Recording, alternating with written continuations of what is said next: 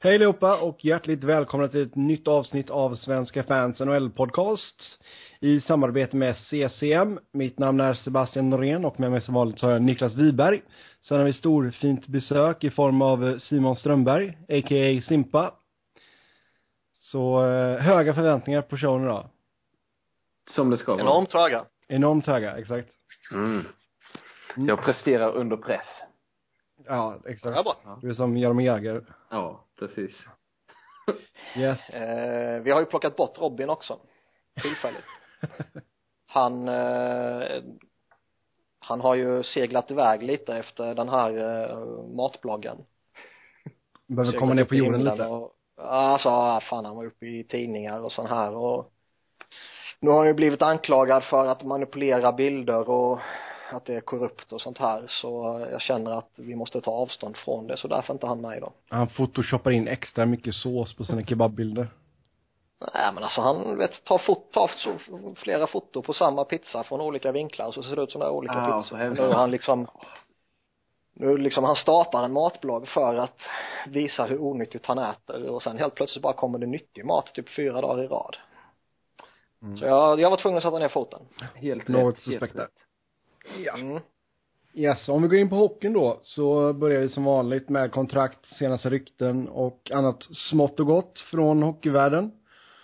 Och eh, det dök upp ett rykte igår om att Patrick Merlot kan eh, tänka sig en eh, trade till New York Rangers, Anaheim Ducks eller LA Kings. Eh, och att han då skulle vara villig att waiva sin no movement klausul. Eh, ser vi någon bra fit i något av de här tre lagen? Det, det mest intressanta är ju att han, eh, att det verkar vara han själv som har initierat det så att säga. Att det inte är Sharks. Och det, det mest intressanta då är ju, har han redan gett upp säsongen liksom? Mm. Det är rätt tidigt i djup. Sen samtidigt så jag läste någonstans, det spekuleras lite, han, eh, de plockade ju, ja, för några år sedan så var det jätteuppmärksammat när de plockade C från honom ju. Mm. Och nu plockar de A från honom liksom. Men det hade- är väl Eh. ganska tydligt att han inte är någon ledare. Ja, det får man väl säga vad man vill om. Jag har ingen aning för jag har inte varit i deras omklädningsrum. Ehm, sen förstår jag vad du menar såklart. Men, eh, och vi har ju pratat om det tidigare, San Jose har ju behandlat eh, han och Joe Thornton på ett väldigt smutsigt sätt på rätt många olika eh, perioder liksom. Eh, så det är väl inte jätteförvånande att ett sånt här utspel blir av. Men det, det, det är väl mer tillfället. Det har liksom gått, ja, vad har vi, en månad in på säsongen. Och Sharks har Mm. i och för sig inte spelat jättebra men det är ju inte, de ligger inte i botten heller utan man är ju någonstans där i mitten som man förväntades vara så att det är lite skumt att han att det skulle komma nu i så fall. Men det kan ju vara någonting han har sagt för två månader sedan som läcker nu i och för sig. Så är det eh, sen är det ju det intressanta är ju lagen som nämns. Eh, att Anaheim och LA nämns är väl rätt så givet med tanke på att det är ja, det är nära San Jose. Mm. eh, han har ju han har ju alltid velat vara där och han har väl stadgat familj och allt sånt där liksom. Eh, Rangers attraherar ju alltid folk Mm. eh, eller, eller snarare Manhattan attraherar alltid folk En liten eh, förbannelse för dem också. Precis som med St. Louis, han skulle bara gå till Rangers. Då är det Rangers och bara, Ja. ja, men då måste vi ta in dem liksom. Få lite den Mm. känslan så de plockar in alla avdankade spelare. Men, eh, men jag kan väl se honom i Rangers i och för sig. Ehm, kan inte säga exakt, lönetakssituationen är ju rätt ansträngd men den skulle säkert kunna trockla in honom på något sätt. Eh, och där, De har ju, i dagsläget har de ju någon miljon i, i capspace bara, så det måste ju bort en rätt saftig lön också. Det Mm. måste ju bort typ en, en Mark Stahl eller Dan Girardi kan jag känna. och Det är ju Sharks. sam, samma sak i LA också. Ja. Ja. LA tror jag inte på. Eh, eller, jag, jag tror ju att det mycket väl kan vara ett av lagen han vill gå till givetvis. Eh, men jag har ju väldigt svårt att se att Sharks skulle släppa honom till LA. Med Jag- tanke på jag- vilken rivalitet som ändå har byggts upp där de här, här åren. Jo, jag ser inte riktigt vad, hur de ska lyckas få in honom under taket där. Det, Nej, alltså då får ju San Jose typ ge bort honom. Ja, och det kommer inte heller ske. Även om han är på klar nedgång så är han ju fortfarande en kompetent topp 6-spelare. Eh, sen är det ju liksom, skulle han varit pending UFA då tror jag att en hel del lag skulle kunna plockat in honom. Han har en ett år till på eh, drygt 6,6 miljoner och det är rätt mycket pengar för en 36-åring på nedgång som eh, han har ju den här stämpeln på sig liksom. Mm. Och sen så jag, jag vet inte riktigt varför Kings, alltså som du säger, visst han är duktig men, men, men de har ju Gaborik som inte har kommit igång i år liksom och man, man har lite, lite samma spelartyp, en speedy winger liksom med, som, som gör mål och jag tror jo, man ju... i första hand vill få igång Gaboriken och plocka in en ny kille för, på hög lön liksom. Även om man skulle alltså, kunna typ, kanske. Det är ju typ den enda scenariot jag ser, det är ju i så fall ifall Sharks tar Gaborik tillbaka. Ja, men varför skulle Kings göra det? Det finns ju absolut ingen, ingen anledning som jag ser det i alla fall. Gabriel var ju grym i slutspelet när de vann senast eh, Stanley Cup där. Eh, så han, han har ju bevisligen lite den faktorn då att han presterar i slutspel, vilket Marlowe inte har haft eller inte mm. har. Nej men alltså det är väl mer, det är väl mer om man tittar långsiktigt på Gabriels ja. kontrakt och allt sånt där. Jo, det, det, det har du visserligen rätt i, men eh, de är väl lite i win now mode fortfarande Kings här så att jag har svårt att se det. Jag ser nog Anaheim i så fall som, om någonting så är det väl Anaheim som mest rimligt. Ja, de, Av de tre så ja. tycker jag den är den mest givna i så fall. Eh, både om man tittar på situationer de har varit i, nu har de börjat vinna lite här mot slutet ju som inte riktigt kom som någon chock ju. Men det var ändå en tung inledning, de kanske vill spetsa till det på något sätt och de kanske vill eh, Eh, även om Pacific inte verkar vara jättejobbig så vill man väl spetsa till och plocka plocka platser där liksom. Och de har löneutrymmet för att ta in honom. Mm. um, så av de tre så är det väl Anaheim som i mina ögon är den mest logiska destinationen om det nu skulle bli någonting.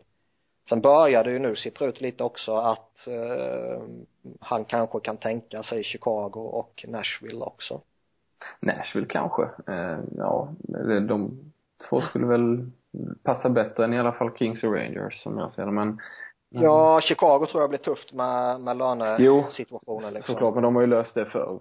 Det är väl ja. bara att se till att någon av toppspelarna blir skadad i någon månad så. ja.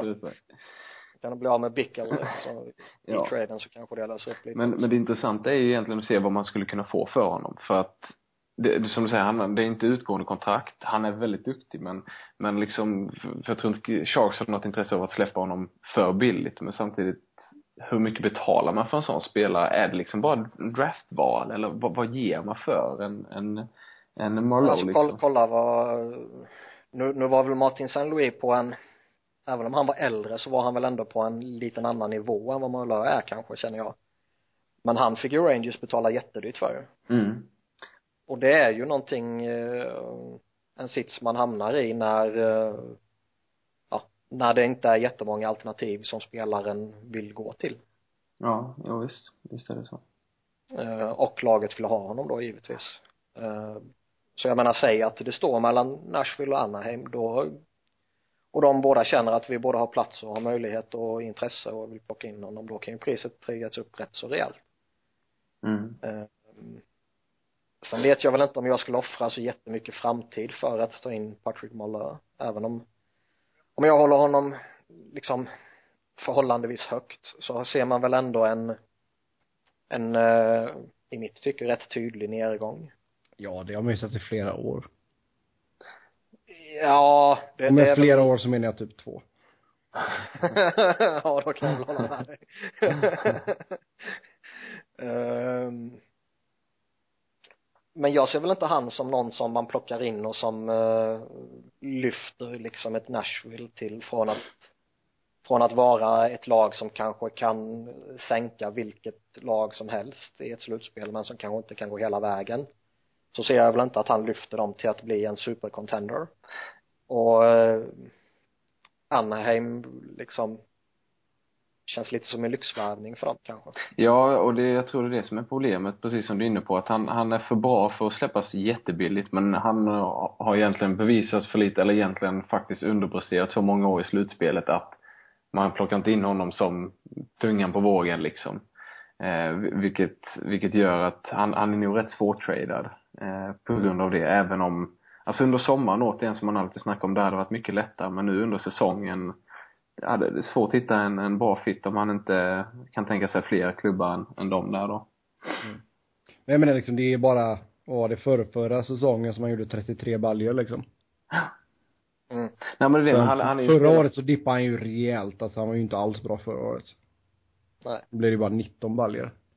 Så det, det är klart att det är, man ska nog vara försiktig om man vill trada för honom. Nu har han i och för sig startat säsongen helt okej. Han har fyra mål och sex assist på 16 matcher mm Ja, nej, han är ju liksom, han är ju fortfarande en bra spelare i ligan. Det är inget snack om det. Eh, problemet är väl att, eh, som sagt, han har den stämpeln på sig och oavsett om man håller med om den stämpeln eller inte så är det ju ett faktum att han har den stämpeln på sig.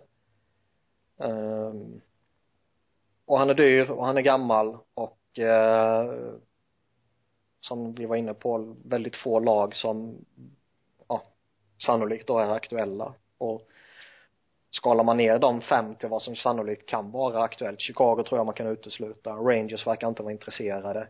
LA tror jag man kan utesluta. Dels av cap-situation och dels av att Sharks nog inte kommer släppa honom dit om de inte får ett alldeles galet bud.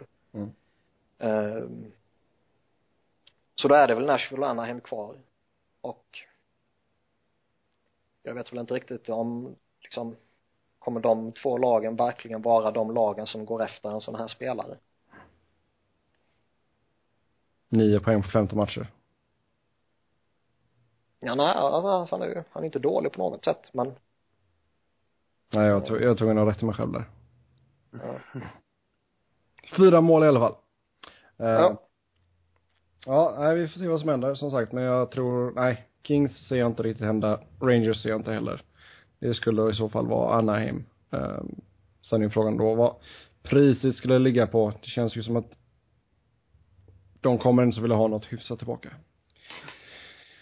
ja men det är klart, de vill ju säkerligen antingen vill ha en färdig spelare eller så vill de ha top prospect eller så vill de ha en first rounder och så vidare och det tycker jag väl ändå han har ett rykte som gör att det är fullt motiverat att kräva det sen om det landar på på någonting där, det De kan få, få fall. Clayton Stoner ett andra rundsval. ja, det tar de säkert ja, nästa punkt på listan här då, Dustin Bufflin. Eh, spekulationer om att han kan få 7 gånger 7 som UFA. låter väl helt rimligt tycker jag alltså i i och för sig i sommar så var det ju lite svala på free marknaden spelarna har inte in så mycket men Bufflin är ju rätt unik eh, både spelsättet och liksom att han både kan köra forward och back och han lär ju vara den bästa UFAn kanske, mest högst värderade UFAn i alla fall när han kommer ut. Eh, och inte supergammal heller så att jag ser det som fullt möjligt att han kommer få det. Jag tror, eh, jag köper det om de ryktena. Mm, Med hull och. Jag är helt övertygad om att han kommer få det om han når uh, free agency och jag tror att han kommer landa på där runt omkring uh, även om han blir kvar i Jets jag tror inte han kommer ta den här eh, hometown discount som vissa gör Han känns inte riktigt som en sån kille. nej han är ju, han är, nej men han är ju, han verkar vara mobbare och svin och sådär liksom Nej, vad vet jag, men, men, men han ja men det, det är ju det snacket som går kring eh, Evander Kane Ja, ja visst, visst, exempel, ja. visst. Mm. Och sen så, ehm, eh, frågan är ju om Jets överhuvudtaget eh, har, har de pengarna att lägga.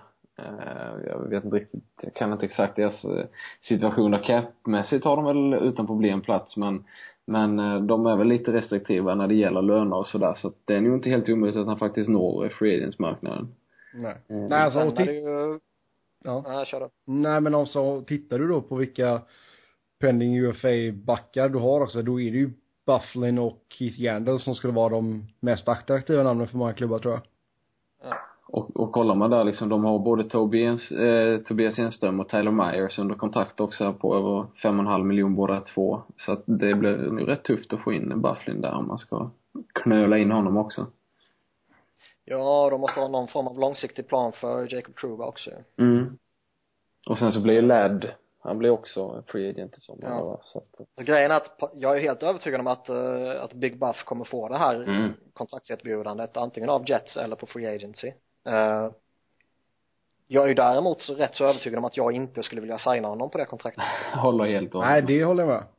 Men alltså vi För pratade han ju om han det är- ett par veckor sedan att det kanske är bättre för dem att trada honom. För han skulle ju ge ett grymt utbyte även fast han är pending UFA. Ja, han skulle ge ett jättebra utbyte. Det är en poängmaskin på, på backsidan. Även om jag tycker att han är han är ju inte den kompletta tvåvägsbacken på det sättet men det är en poänggaranti från honom och han kan avgöra matcher han är ju liksom vad ska man säga, han är ju en unik spelare typ. Man kan ju ja, vad är det närmsta man kommer Big Buff liksom, han är typ Shea Webber eller Zdeno Chara när han var som som bäst för något år sedan eller några år sedan? Ja, Brent Burns kan väl nämnas där uppe också. Ja, Burns. ja, ja. Så det är väl dem. Och an, annars är ju Big Buff ett unikum. Och även om man inkluderar dem i, i resonemanget så är väl ändå Bufflin fortfarande eh, lite för sig själv känner jag. Men han, Och- ja. och ju- just liksom han blir 31 eh, vad heter det? Efter årsskiftet här och eh, signar upp den den eh, 31-åringen alltså med den kroppen eh, på ett sjuårskontrakt som är jättedyrt. Det eh, ja jag tror inte han kommer vara samma back när han är 34 som han är idag jag tror definitivt inte han kommer vara det när han är 37 liksom. Sen så är ju frågan bara vad, vad liksom i Jets sits där man snackade om att trada honom. Det ser inte så bra ut för en, för en klubb som liksom ändå deras, många av deras spelare är i sin prime, liksom Wheeler, Little Lad, alla dem. Att tra- då trada bort en, ja kanske sin bästa back då liksom, i alla fall mest framstående back i ett läge där du har häng på slutspel liksom. Det är ju ett rätt tufft beslut att ta med tanke på hur fansen kommer reagera. Eh, Alltså det beror det ju är det. helt jag på håller med dig men det beror Ja, ja. Ja. Självklart, så, såklart. Men jag har svårt att se att någon klubb skulle chansa, alltså för de som plockar in Bufflin under säsongen är ju någon som vill pusha för en slutspelsplats. Och, eller eller kanske få gå långt i slutspelet.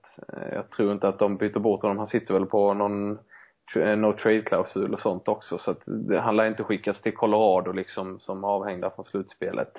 Utan det blir väl till ett slutspelslag och och eh, de lär inte offra spelare som är redo, redo nu. Eh, Eller som liksom är en stjärna redan nu för att komma åt Bufflin. Det tror inte jag i alla fall inför ett slutspel. Men sätt honom Nej, i Anaheim då. Vad sa du? Sätt honom i Anaheim. Absolut. Det skulle nu bli kalas. Det tror jag. Bufflin, Perry, på, ja, Bufflin, Perry och Getzlaff på isen samtidigt. Tre mot tre. Det har varit något. man kan bröla på rejält Däremot så, jag, jag håller med dig i allt du säger det här att det skickar fel signaler att, eh, att skeppa iväg honom alltså det här men säljer man in det på rätt sätt till truppen och till eh, om man säger liksom ledningen och till fansen att ja, ska vi behålla vår lagkapten så var det nödvändigt. Ska vi kunna signa upp Jacob Truba på ett långt och, och välbetalt kontrakt så var det nödvändigt och så vidare liksom. Man får ett bra utbyte som Sebbe var inne på så Mm så tror jag inte att det kommer skapa några skandalrubriker att man tradar honom. Men Problemet är ju att han är UFA, så hur mycket kan han ge? Alltså, det, det är ju det stora problemet med liksom. Det är en grej om du plockar in en 35-årig veteran liksom och för ett andra, andra val i draften, men liksom Bufflin är ju byter du honom så vill du ha en färdig spelare och är det så många som offrar det för en, för en pending UFA liksom eh, precis innan slutspel. Jag har svårt att se att man skulle liksom ge upp de bitarna för honom eh, i en sån Nej, sits. Men det är liksom det är bottenlag, absolut. Varför inte liksom? Det är ju bara chanser egentligen. Eh, men, eh, men eh, ja, ja, samma sak som Marlowe där. Det, det är lite, det är, en, det är en svår situation för, för Jets där och Men det är, ju- det är ju lite där jag kommer in på Anaheim-grejen. För Anaheim tror jag inte så har pusselbitarna att kunna lösa en sån trade. För att Winnipeg behöver en målvakt, det vet vi. Det har vi vetat i många, Ja. många, många år. Hutchinson, tror du inte var någon? Ah, inte ännu. Då Okej. skulle jag ju hell- alltså, skulle de kunna lösa typ Gibson till exempel, så tror jag nog att de skulle vara jäkligt nöjda. Fast alltså framtidsnamn har de ju. De har ju både, vad heter han, Comrie och, och Hellebuick eller hur man Mm. uttalar det. Så att, Ja, Hell- ja. Hellebuck. Men visst, jag jag är med på vad du menar ändå. Eller att du går andra routen då kanske kan, jag vet inte, Sami Vatanen kanske? Skulle de ge honom för, för Bufflin, tror du det? Ja, om de mer eller mindre, alltså de får ju snacka med honom förut och se till så att han skriver nytt med dem. Mm. Det är, det är, oavsett vart han går så får nästan det vara, eh, får man ju ta det för Det givet. måste, ja det måste ju vara att innan du tradar för honom måste du få prata med honom Mm. och antingen ha kontraktet på plats eller liksom vara så pass överens att vi kommer lösa Mm. det inom en vecka liksom. För jag menar, Sami, Sami Vatanen är ju sjukt lovande. Han är redan liksom, jag tycker han är skitbra. Men om Anaheim är ett win now mode så är det nog bättre att ta in Bufflin än att ha Vatanen. Grejen är att de har ju visat jättetydligt, Anaheim, att de skiter fullkomligt i långsiktiga konsekvenser. Det satte de ju rätt saftigt på, på pappret när de signade upp Ryan Kessler på det kontraktet. Mm. Utan de är ju verkligen all fokus nu, jag Mm. skiter i vad som händer om fyra år.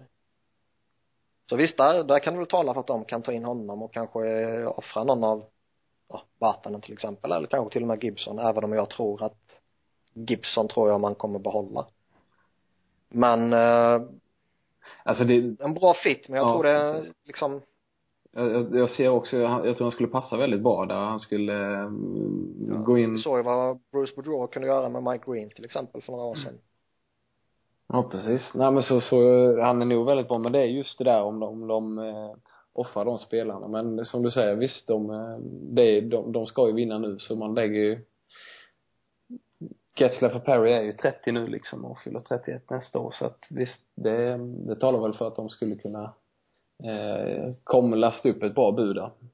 Mm. Men det, det, då utgår vi från att de faktiskt är med i slutspelssnacket och inte som nu. Nej, det är sant. Ja, vi får se vad som händer med Big Buff, helt enkelt. Eh, han kommer få betalt i alla fall. Så mycket kan vi slå Mm. fast. Ja. Eh, Adrian Dater skriver att det kan hända lite grejer om Colorado här inom en snar framtid och eh, snackar om namn som Matt Duchene och Semyon Varlamov och sen att de också skulle kunna tänka sig att skicka iväg Jerome McGinley framåt trade deadline. Eh, Colorado har ju inlett ganska svagt. Eh, Jag vet inte riktigt vad Patrick Roy och Joe Sakic håller på med men alltså Det roliga är att eh, Adrian Dader har ju blockat mig eftersom att jag har hånat honom lite när han var i, eh, i, i, eh, i ja, lite fokus där för några månader sedan. Mm, så, ja. så jag har inte sett det här själv utan det var Robin som skickade det här till mig. mm. Men eh, han skriver ju liksom i princip att de, de är redo att liksom offra typ vem som helst och allting men Patrick Roy sitter helt säkert. Han kommer aldrig någonsin få sparken typ. det är ju helt sjukt. Ja. Vilket, Det ja, inte det borde ju vara helt tvärtom. Nej, det är ju jättegivet Mm. med tanke på att man vet hur situationen är, men rent logiskt Mm. borde det vara precis tvärtom ju. Men, Men det känns alltså lite- Matt Duchene och Va- Varlamov är ju två av deras absolut bästa spelare tillsammans med Nathan McKinnon. Ja, så är det ju. Sen samtidigt så liksom, vi- vill man hålla kvar i den här coren, ja då ska man inte dumpa någon av dem givetvis ju. Nej. Men känner man att, nej, vi behöver liksom rota runt och vi behöver spränga skiten, Mm. då är det ju någon av de två liksom. Men det, Tillsammans med kanske Landeskog, men jag tror inte man dumpar en 22-årig kapten på Nej, det tror inte jag heller. gör sitt och liksom Tyson Barry, men jag tror inte det heller. Nej men alltså Matt Duchene skulle väl ge ett skitbra utbyte. Um, Ja. Varlamov likadant, men alltså, Problemet med även, Duchene är ju bara att det, det är helt fel timing att trada honom. mm, Alltså tradar du en sån spelare med den talangen och den potentialen och den skickligheten Det- som är jättebra, då ska du inte trada honom när han har problem liksom. det blir ju Som nu, han hade en, en liksom en period till och från och liksom inte verkligen tagit det där steget. nej och det kan ju verkligen bli en ny Sagan alltså. Ja, Mm. Eh, och jag menar även om man ska spränga upp uh, grejerna så tycker inte jag, alltså Varlamov ska ju vara en av dem man verkligen håller kvar i. Jag menar han är ju en riktigt bra målvakt. Nej men så är det. Jag håller honom jättehögt och statistiken visar ju på att han är jätteduktig. Mm. Eh, sen är det väl liksom vad ska man säga om om, om något lag vill gå efter en första målvakt så finns det ju i princip inga tillgängliga nej. gör man, gör man då honom tillgänglig så kan man ju få ett jättebud för honom Mm. Ja, alltså Så- det är klart, alltså vill de gå ner och tanka totalt så absolut, spräng hela skiten liksom. Men det, det, det, det känns ju väldigt tidigt att spränga det här lagbygget också. Visst, nu har man ett par säsonger där det inte gått så bra, men jag menar, ingen är ju över 25, alltså av den här forwardsgruppen då med liksom Duchene, Landeskog, eh, McKinnon och det gänget. Alltså det, det känns ju väldigt tidigt att gå in och liksom verkligen ge upp på dem nu eller liksom det, det, det, är skitkonstigt att göra det. Jag förstår inte varför man skulle gå den vägen liksom. Det finns ju en massa andra spelare att skicka iväg innan liksom. Så här gamla veteraner som liksom Tangay och som, som ändå hade gett något utbud liksom och lite sådär. Eh, ja, men alltså Ginla är ju rätt Ja, Ginla också liksom. deadline och... Ja, alltså det, det är ju självklart liksom med dem utanför slutspelet ja. att självklart skicka iväg dem och men, men det känns skitkonstigt att gå på liksom de spelarna. Sen så visserligen, de skulle ge, som ni säger, hur mycket som helst tillbaka Duchene liksom. Men, men får man grejer som är bättre tillbaka, det är ju högst tveksamt. Nej, det får du inte, utan det blir att du får, du får mer bredd i så fall ifall du tradar iväg Duchene. Uh, eh, och kanske kan stoppa ner ett par killar, ett, ett par pinnhål liksom, men det, sen vet man ju inte alltså, de ska skriva nytt med McKinnon här nu efter säsongen. Eh, hur mycket, alltså vi kan ju gå på det sidospåret lite snabbt bara, men hur mycket ska McKinnon få betalt?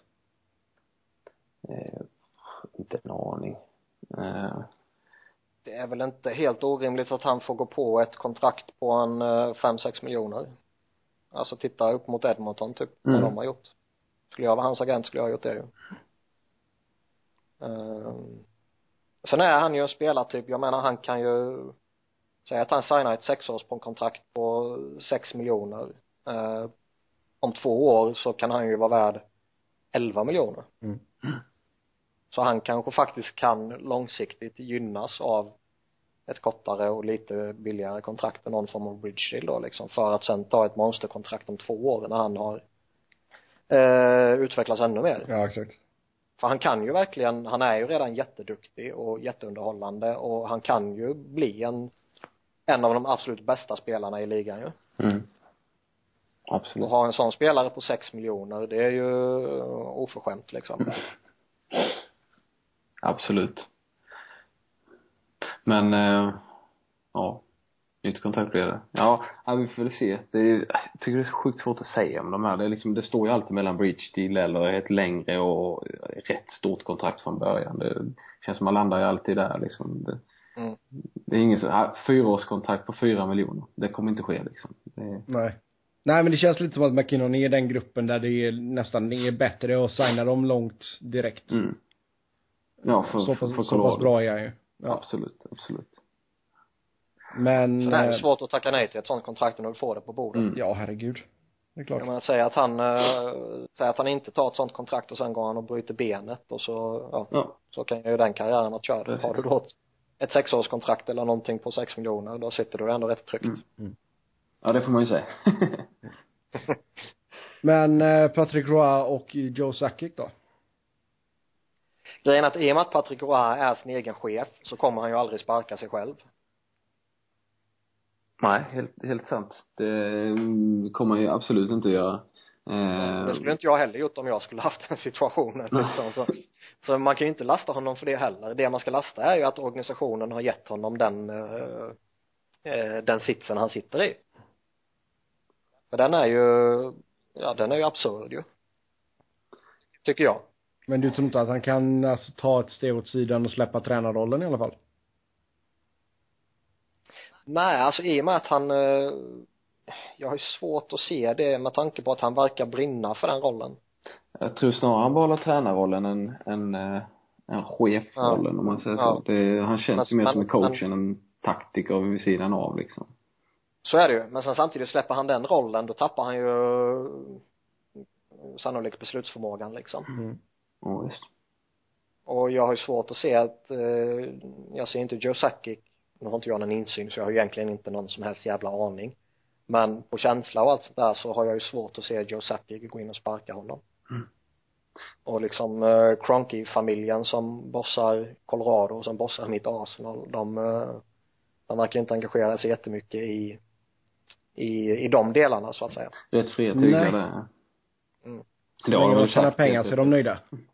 Ja, typ. Eh, så han kommer nog sitta kvar. Det tror jag. Och om han nu, som jag ser det mot förmodan, skulle gå bra då liksom, så, så har jag ju svårt att se att det blir under säsongen. Mm. Ja, vi får se vad som händer helt enkelt. Men, eh, ja, jag hade ju inte blåst detta laget ännu i alla fall. Nej. Alltså man kan mycket väl blåsa laget men då ska man behålla sin core, alltså den unga coren. Du ska Mm. behålla Duchene, du ska behålla Landeskog, McKinnon, eh, Varlamov. Barry, Varlamov. Och jag skulle behålla Eric Johnson också. Jag måste ju bara säga det. Om de väljer att skicka Valamov, hur perfekt tradepartner är de till Calgary? De har lite för mycket backar, behöver målvakt. Colorado behöver backar, kan släppa, eller släpper i så fall en målvakt. Eh, problemet är väl att Calgary redan har typ sju målvakter också. Jo men då skickar de ju typ Hiller eller något sånt. Ja, ja. Nej men visst på pappret så är det jättelogiskt. Mm. Eh, Den har du funderat ut bra. Ska vi sätta en S4 eller en eh, S3 på den? Ja, vi håller lite, lite lugnt just nu. Ja, Annars, om, vi, sen- om vi bara ska snabbt ska åter, återknyta till Sharks också. De borde ju Ja. nappa hur mycket som helst på Duchene. Ifall det ligger någonting i de här, eller de behöver ju verkligen den sortens spelare nu när alla andra börjar bli gamla.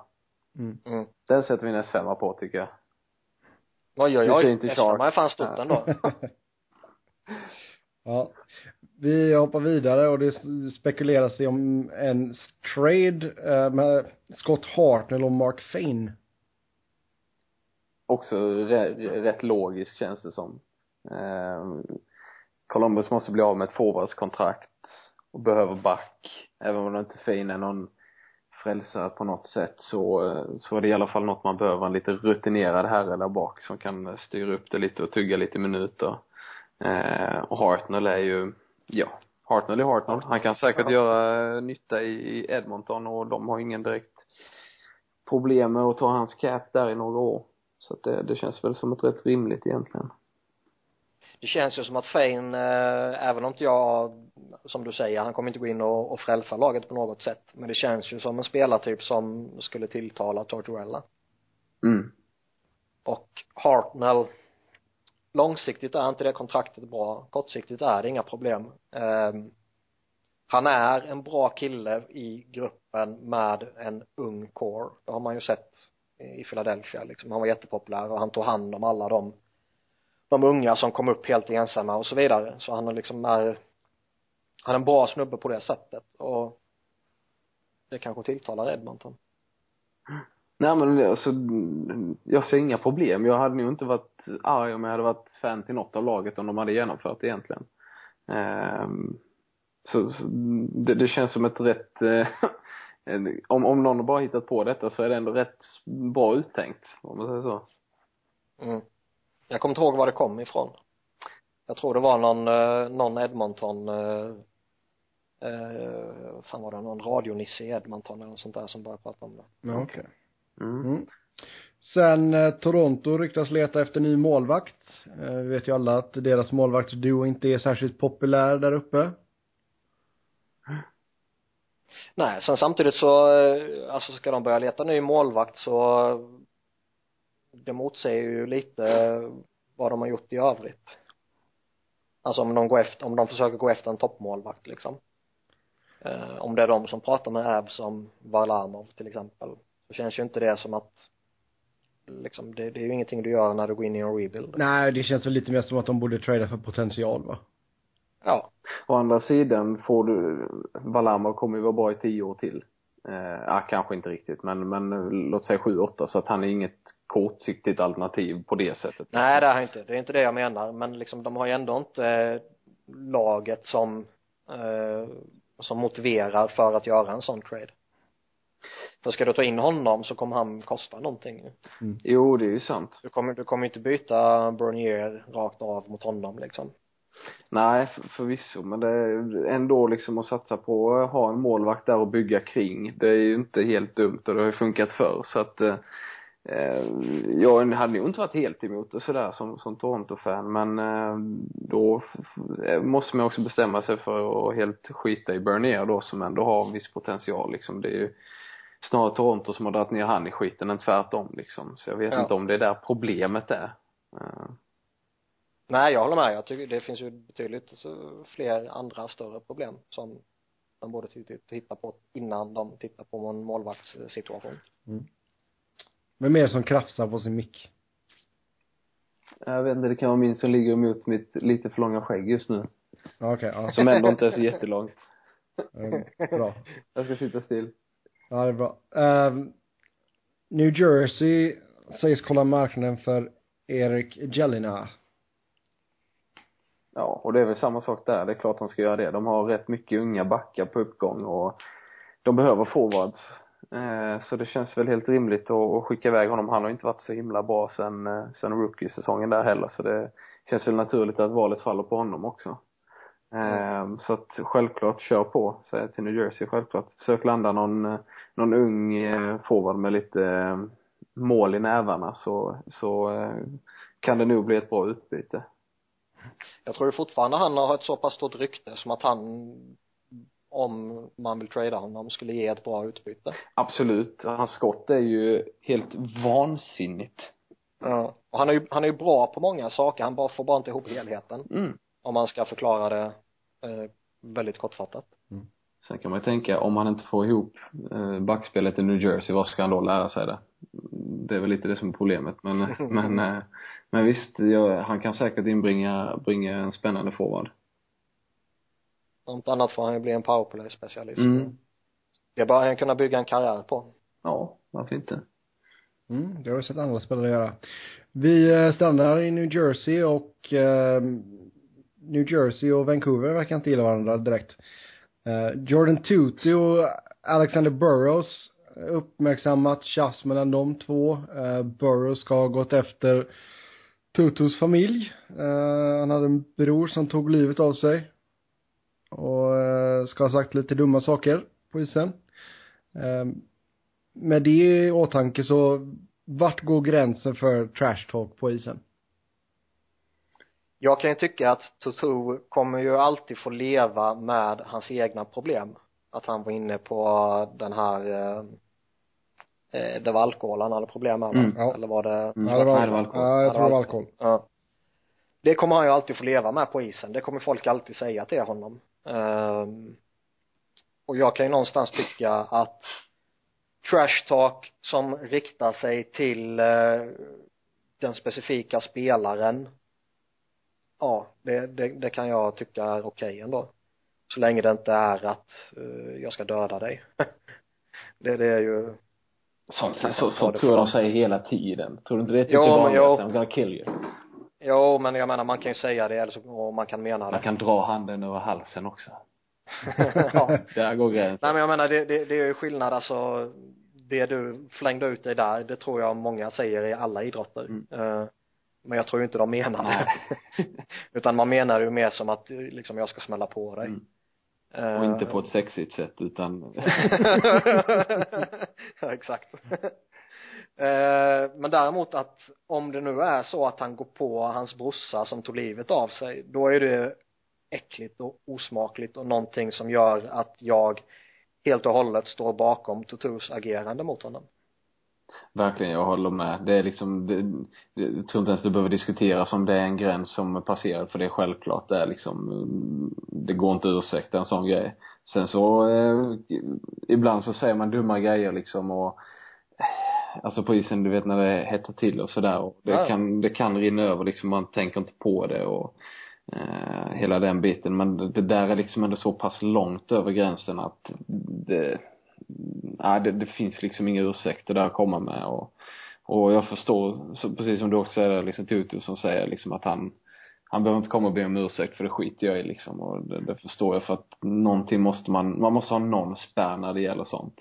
Mm. Ja. Eh, och jag vet inte vad som flög i Burrows men han, han är ju han har ju nej, idiot Ja, också. han, han har ju ett rykte liksom om sig och men det här är ändå liksom det, det är rätt allvarligt på, på eh, på många sätt liksom. Mm. Så när, man, man kan liksom lite sitta och skratta åt när liksom Avery sa eh, eh, att Fanuff bara tar en sloppy seconds liksom. Det är ändå, det är ändå lite roligt i det men det, det Ja, här, det kan man ju garva åt. Ja, det här finns ju inget jag jag kan inte ens tänka mig vad han har sagt. Alltså jag kan, kan inte riktigt förstå vad det är han skulle ha sagt på isen. Som man kan komma på i det tillfället som på något sätt skulle kännas okej att säga liksom. Nej. Nej, jag kan säga jävligt många dumma saker, men det är som du säger, jag skulle, jag, jag kan inte ens komma på tanken på det liksom. Vad, vad, liksom, vad säger man om en sån grej? Nej, det, Och det är ju samma sak, liksom, titt, titt som tätt så hör man ju om spelare inte bara i NHL utan om man pratar idrott generellt som kanske går på en, eh, en motståndares liksom barn och börjar prata om dem och det kan jag också tycka är jävligt osmakligt Ja, ja, alltså där får man ju dra gränsen. Det är som du säger, ja. alltså är det någonting som spelarna har gjort som är liksom fine, då får man väl ta det lite. Det är väl klart att någon kommer säga någonting om uh, Jared De tar Mike Richards när han kommer tillbaka, eller Stoll, ja. ja. Det, det är klart det är klart, det, det är givet ju ja. Men alltså, att gå efter, det är något, det är något man har gjort själv. Mm. Mm. Nej, det är lågt. Ja, det är riktigt osmakligt. Så det är helt okej att slå Burrows på käften de kommande matcherna. Men sen så är det ju också själva grejen att det är inte bara att han, typ som Materazzi och Zidane liksom. Det var inte bara det att han bara, din, din syster är en hora liksom. Det var inte bara det liksom, utan det, det är ju någon som har dött. Det är faktiskt någonting på riktigt som har hänt. Mm. Ja. Så det är liksom inte bara trash talk i den bemärkelsen att man säger något fult om någon familjemedlem, troligtvis, utan liksom har det med detta att göra så alltså det, det är något allvarligt som har hänt. Så det är, det är inte bara skitsnack liksom. Nej, nej. Nej. Men var det, var det Mike Tyson som sa att han skulle äta någons barn inför någon fight va? det låter som Tyson. Det har jag faktiskt ingen koll ja, på. Nej, jag för mig att han sa det. Ja. Nej men alltså man får ju dra, man får, som sagt, vi snackar ju liksom om var gränsen går och jag tycker att familjen ska man ju bara låta vara liksom. Det Ja, allt som inte har med spelaren själv har inte med något att göra. Mm. Spelaren kan man komma på, för det tycker jag ändå att det får man räkna med på den nivån. Och framförallt om du har gjort något dumt så får du räkna på det ännu hårdare. Mm. Ja, vi stannar med New Jersey och Vancouver. Uh, Bobby Farnham, han uh, fightades mot uh, rookien uh, Jake Virtanen. Finnen, Jake Virtanen. Mm. Uh, kommer aldrig, kommer aldrig släppa den. Nej. Nej, bra. Uh, I alla fall, uh, de slogs. Farnham var kaxig. Och uh, Brandon Prust hängde ut honom på Twitter. Mm. Rätt av Prust. Ja. Eh, som alla som har lyssnat på podden under en viss period och som följer mig på Twitter vet ju vad jag tycker om Bobby Farnham. Eh, han är dålig, han är farlig, han är ful och han eh, hör inte hemma i ligan. Eh, den här spelartypen som liksom är så pass dålig att han hela tiden måste motivera sin eh, sin plats i laget genom att spela på sättet som han gör hör ju inte hemma i ligan. Uh, jämför honom med Brandon Prust som ändå fyller en funktion, han kan döda utvisningar och bla bla bla. När han är frisk och kry, nu har väl han dippat av lite också mot slutet men när han var som bäst så var han ju ändå en en jävligt bra spelare. Bobby Farnham är ju skräp rakt igenom. Och ska man liksom gå på och fighta med en, vad är han, 18, 19 bast liksom. tror jag. Ja.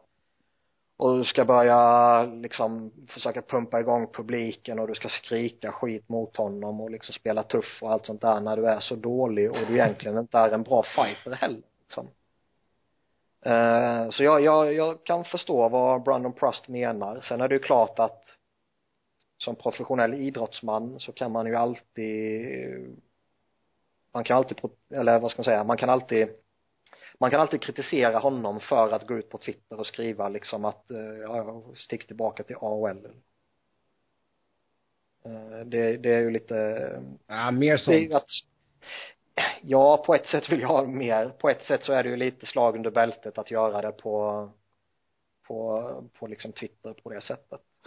Jag har ändå lite svårt att förstå hur han kan vara sur på det. Eller i och för sig, han, han spelar väl inte matchen Prust va? Visst var det så? Nej, han är Nej, just det, just det. Nej, jag tänkte annat att han var så, att, var så sur så han skrev det efter matchen. Det hade varit lite överdrivet. han sitter i omklädningsrummet och skriver på telefonen. Man ser han ta upp mobilen där på bänken och bara skulle det varit så så skulle jag haft en helt annan åsikt om, om det givetvis. Mm. Nu satt han ju hemma i, i Vancouver och liksom twittra på telefonen eller på laptopen eller vad han nu har. Mm. Ja, jag tror han är en telefontwittrare. Utan ja. Känns för slö för att ta upp, ta upp datorn. eller hur? Han är en sån sex, sex äh, iPhone 6 plus kille. ja.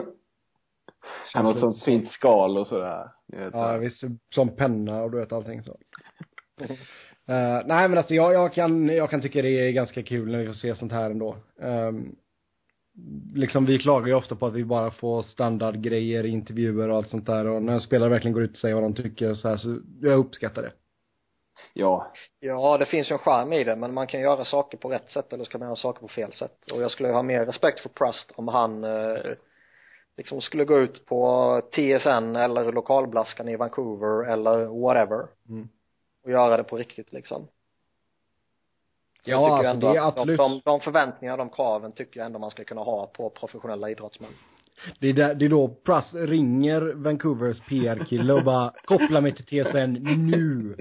Nu. Nej men liksom jag menar man, man kan ju de har ju så bra kontakt med lokalblaskorna Ja, på alla sätt och vis så de kan ju bara dra ett sms eller vad fan som helst Det är klart. Exclusive question mark står det bara. i sms. ja. Jag, jag, jag tycker det är helt, kör på Twitter, det är bättre, då får man snacka direkt mot, behöver inte feeda alla tidningar och media med det här hela tiden. Det är bra, kör på, ut med känslorna på Twitter, det är därför vi har det. Mycket roligare. Mm. ja jag förstår och jag kan ju inte säga emot dig men ändå tycker jag som jag tycker Ja, vi går vidare. Uh, Zach Parisi, Minnesota knäskadad. Uh, han anses vara week to week. Så han är borta i minst två veckor till. Uh, hårt slag för Minnesota då får man ju säga. Ja, men jag tror de klarar sig rätt bra. De har eh, rätt bra djup ändå på målskyttet och eh, jag, jag tror inte det blir någon jätte, jättepanik där för de veckorna. Ja, det är klart, är det flera månader sen så är det en annan grej men så länge det är ett par veckor och sådär så, så tror jag inte det går någon nöd på dem. Varne klev ju fram i natt och du har ju eh, Su- eh, Jason Zucker och du har ju Charlie Coyle och ja, det är ett gäng där som, som kan trycka in lite baljor. ja är han bara borta några veckor så är det ju en axelryckning Mm. Ehm, det fanns väl vissa orostecken eh, innan det blev bekräftat att det kanske skulle kunna vara betydligt värre Mm. så man är väl lite nöjda med att det bara blev om det nu blir så att säga två, tre veckor Jo, det är sant. Um, sen, vi ska väl säga det också att Montreal gick väl ut och sa att Price kommer borta en vecka till. Mm. Ja än så länge klarar de sig ju hyggligt Ja, alltså de har ju så mycket roligt att de spelar med fel klubbor på träningar och allting. Det är ju underbart, underbart klipp ska jag säga. ja jag såg det med Såg ju Men liksom helt bedrövliga ut. Ja, men kortsiktigt, det är ju som vi, jag kommer inte ihåg om det var förra eller var förra, förra veckan, veckan, tror jag. Ja, så kortsiktigt klarar de ju sig med Mike Condon och Dustin Tokarski. Det tycker inte jag är några problem så sett om det rör sig om en vecka eller en och en halv eller två veckor till. Nej.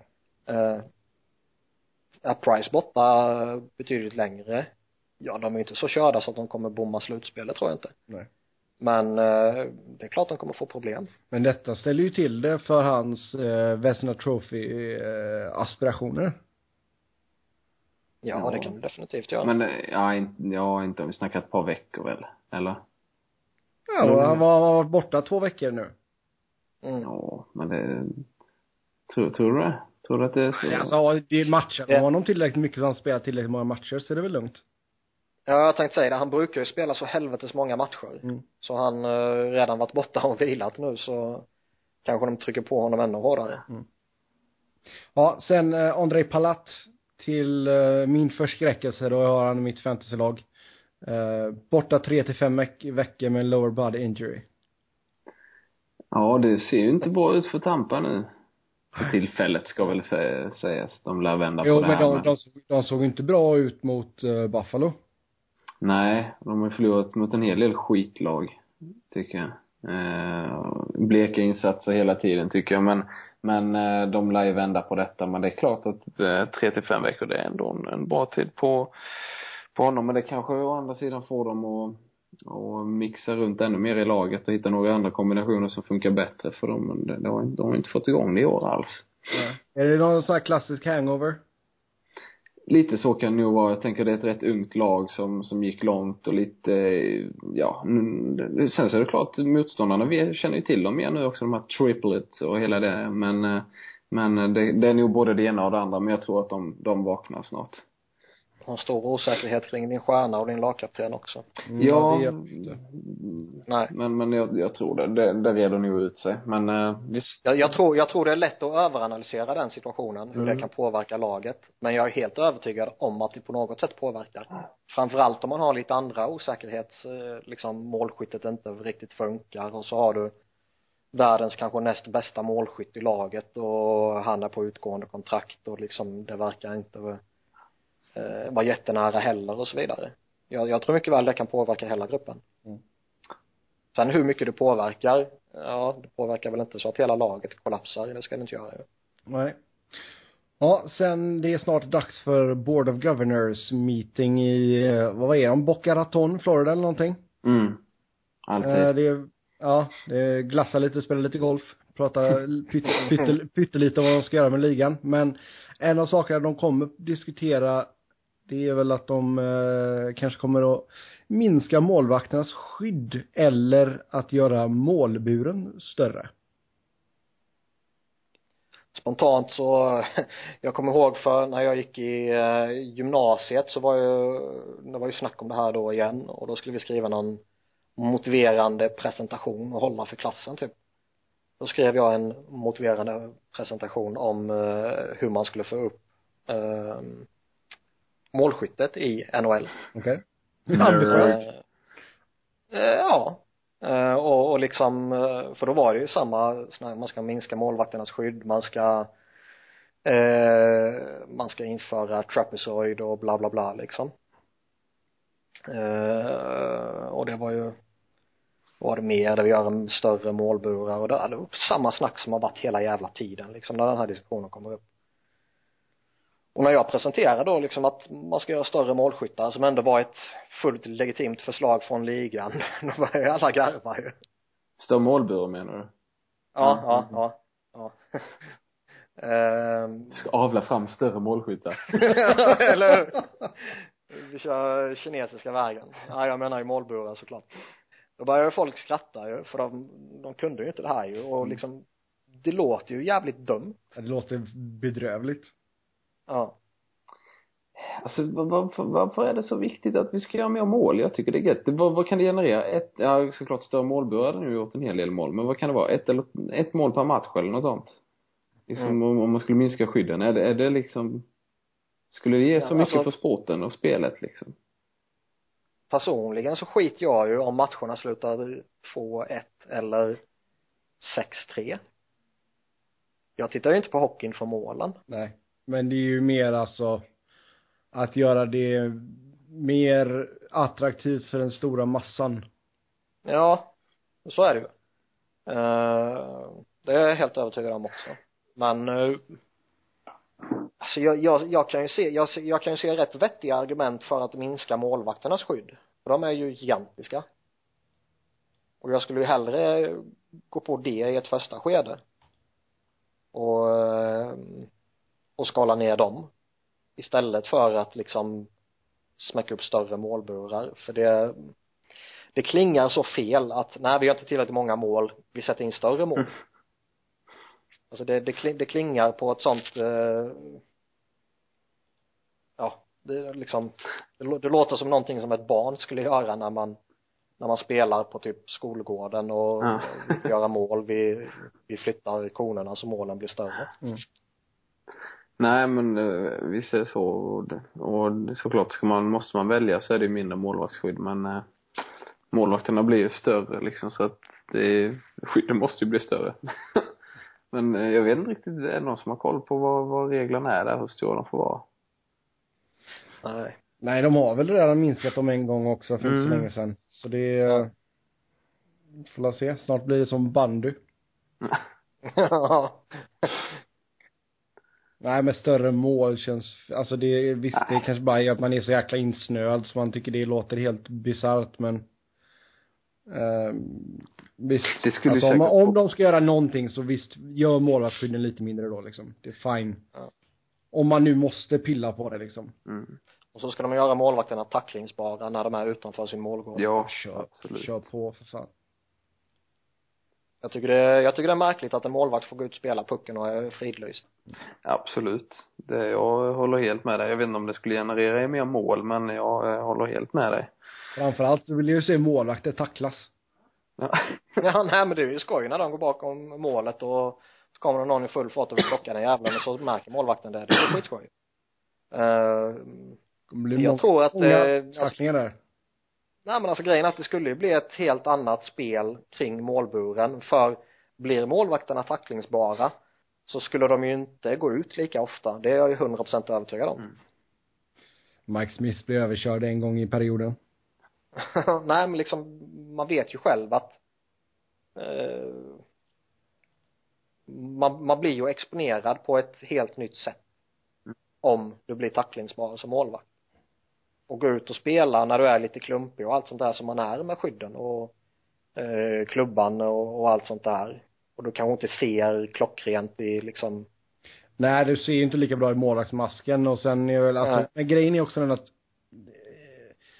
det känns inte som att målvakterna har samma kapacitet att skydda sig från en tackling som en utespelare har. Med tanke på att nej, de och är därför ska de, eh, får de hålla sig i målgården då. Ja. Sen är det klart att de ska skyddas i målgården, ja men det är inte så att de ska få bli överkörda där liksom. Jo, men alltså, för, men det är, alltså sen hur långt ska man dra detta liksom? Ja, vi vill ha mer mål. Ja, vi tar bort offside för guds skull. Det är liksom, någonstans så får man ju ändå så titta på vad som är bäst för spelet och jag ser inte att mer mål skulle göra sporten bättre. Nej. Och där håller jag helt Nej, med det håller jag med om.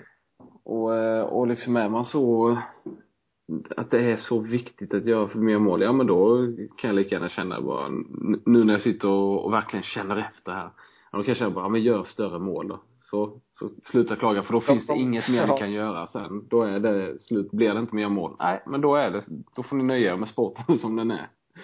De, de är, de har ju en liten annan kultur där borta i Nordamerika också när det kommer till poäng och på och liksom mål och Jo. allt sånt där där man eh, liksom allt ifrån baseball och, och fotboll och allt sånt där där man räknar på jätteudda och jättehöga sätt och och eh, liksom den stor, det stora argumentet man har mot liksom riktig fotboll är ju att det händer ingenting, det blir inga mål. Nej. Eh, så de har ju liksom, de har ju det inbyggt i sitt DNA på något sätt. Mm. Så jag kan ju förstå att eh, diskussionerna finns där borta. Ja, jo, men Sätt upp zoner, sätt upp zoner där målen är värda två ja. alla får vara sin straff. Mm. Ja, Nej, men det är, jag, jag ser inte anledning till att man ska försöka, alltså försöka tvinga fram mer mål. Nej. Eh, får, eh, får skaffa sämre målvakter helt enkelt. ja. Eller någonting. Nej, nej det, det är bara trams. Ja, eh, vi lämnar det och så går vi in på våran eh, lilla Simpa special. där Vi ska prata Florida Panthers. Mm. Och eh, hur tycker du att deras inledning har varit? Eh, den har väl varit lite upp och ner tycker jag. Eh, började ju väldigt bra. Eh, med lite segrar och sådär och eh, första kedjan där med Barkov och Hubbard och inte minst Jago då. Eh, spelar ju fantastisk hockey. De har ju så sjukt passningstempo när de väl eh, får igång snurret där och jag tror det är få kedjor i hela NHL som, som matchar det faktiskt när de väl börjar få snurr. Eh, men sen eh, blev det ju någon skada där på Barkov, man tappade lite och, mm, och jag, på Jagr också för den delen. Eh, så det, senaste tiden har det väl inte sett lika positivt ut. Man har slått de dåliga lagen, de som man bör slå för att gå till slutspel, men han man har inte lyckats kanske ta de här tunga segrarna än, men vi får väl se lite framöver Ute- helt enkelt. Utöver Hubbard och Barkov och Jagr, är det några andra spelare som har övertygat? Eh, Vincent Trocek har ju varit grym, eller rätt ojämn, men, eh, men har ju faktiskt gjort en hel del poäng och eh, nu när eh, Barkov skadad så hade jag ju hellre sett Trocheck eh, tillsammans med Hubbard och, och Jagr egentligen eftersom eh, eftersom han tänker hockey på samma sätt som dem. Det gör inte Nick Bjugstad som har fått lira lite med dem. Ehm, Eh, Men Trocheck har väl varit den stora positiva överraskningen får man väl säga. Ehm, tycker även att de unga killarna som kom in i fjärde kedjan där, Quinton Howden och Connor Brickley som skickades ner till AHL nu, men de har gått in och verkligen faktiskt gjort skillnad. Eh, Så det är kul att se att de, de, de man har inte, be- man hade ju både, eh, vad heter han, Martin Havlat och, vem var det mer man hade på tryout? ja nu står det still, still i skallen men man hade ett par tryout killar där som man släppte för att man kände att nej men det behövs inte för vi har unga killar som kan ta platsen och och det har de gjort och lyckats bra Sånt är skoj. Till skillnad från när St. Louis plockar in liksom fyra veteraner och tjänar upp istället. ja precis bland annat Havlat och nu Ja. häromdagen. Eh, så, eh, och det, det är faktiskt väldigt kul att se och även om de inte vinner varje match och sådär så det, det är en helt annan eh, vibe från Florida nu för tiden så det, det, det är rätt kul att följa just nu. Hur ser eh, Aaron Ekblad ut? Han ser faktiskt bra ut. Det, han spelar så fruktansvärt moget. Man kunde så se lite i fjol emellanåt liksom att, ja men det var lite rookie-misstag och visst det blev misstag nu med men men ehm, han är absolut inte sämre än i fjol. Han gjorde mer poäng i fjol. Eller han hade ju en riktig rivstart liksom så den har han inte fått i år men han, han har faktiskt varit riktigt bra. Um, och eh, uh, går inte igenom någon sophomore slump i, på, i uh, spelet i alla fall. Uh, upplever inte jag när, det jag har tittat. En Nej, spelare inte det jag har sett ja. heller. Men jag har inte sett all. Nej. Eh, en spelare som jag har tjatat om i många år, det är Eric Goodbranson. Hur ser han ut? Ehm, i, I fjol så, så började han hitta sin roll kändes som och det, det har väl fortsatt lite på det i år men han spelar tillsammans med Willie Mitchell och det är inget jätterörligt backpar om man säger så. Så Nej. de får rätt mycket problem och just nu så eh, spelar eh, Gerard Gallant, alltså coachen, han spelar alla backar i princip lika mycket. Och det blir lite fel kan jag tycka för att Branson och Mitchell ska inte ha den den, eh, det ansvaret som de har just nu och eh, Goodbranson kommer aldrig bli liksom, han kommer aldrig leva upp till det här tredje, tredje draftvalet han, han var liksom. Det står nu rätt klart för de flesta egentligen.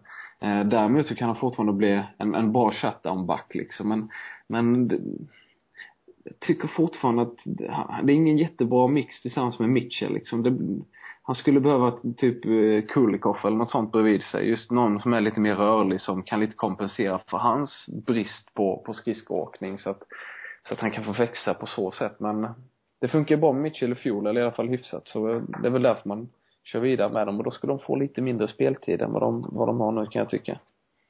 Jag tycker ju Mitchell är en, en jättebra värvning för Florida. Men kanske inte nödvändigtvis helt och hållet på isen. Nej, och det är helt rätt riktigt. Och det, det känns verkligen hela media och fansen, alla omfamnat honom helt och hållet. Så att jag, jag tror man är väldigt nöjd med det. Det är ju såklart alldeles för dyrt kontrakt och hela den biten. Men, men han har faktiskt eh, producerat eh, som förväntat liksom. Eh, och han är, har ett väldigt gott eh, inflytande på de här yngre backarna som Goodbranson och Petrovic och säkert eh, eh, Ekblad också för den delen. Men man kanske man kanske inte ska, liksom när man är 35-36 och inte har skridskoåkning, man kanske inte ska matchas mot de bästa spelarna i andra laget hela tiden liksom, utan få spela kanske mm, 18-19 minuter per match istället för 20-21. Um, så jag tycker han används lite fel, men absolut, han har varit en stor tillgång för klubben i, i helhet. Om vi tittar på eh, Atlantic Division just nu då så ligger man sexa, 15 pinnar, 15 matcher. Ehm, tycker du att man är redo att ta klivet och bli slutspelslag?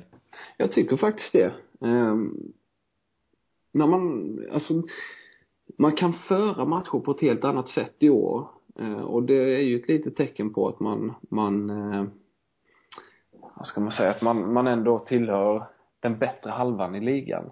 Eh, och kanske det viktigaste är att man ser att det är de här unga spelarna nu som faktiskt är de som leder laget. Visst, Huber vann poängligan i fjol, Bjugstad året innan. Men då har ändå varit liksom, de som varit an, och trea i poängligan, interna poängligan, har ändå varit liksom Jokinen och de grabbarna som ändå är äldre. Nu har du Jagr så, så visst, han är, han är knappast ung va. Men, men ändå alltså generellt på hela banan så är det de som styr, det är de som spelar första powerplay. Det är de som sätts in när man ska, ska kvittera i slutminuterna. Det är de som startar alla matcher, de får mest speltid. Så att, ja, jag tycker faktiskt de är redo. Sen så är det ju stentufft. Eh, det är ju supertajt och jag ska inte säga att jag ser dem som liksom, de, de är ett bubble team liksom. Det är ju verkligen så men kan man, kan man liksom få, när man får tillbaka Barkov, om han är lika bra som han var i början så har man en första center som faktiskt står sig rätt bra i NHL. Eh, tvåvägscenter, lite kopitär över honom.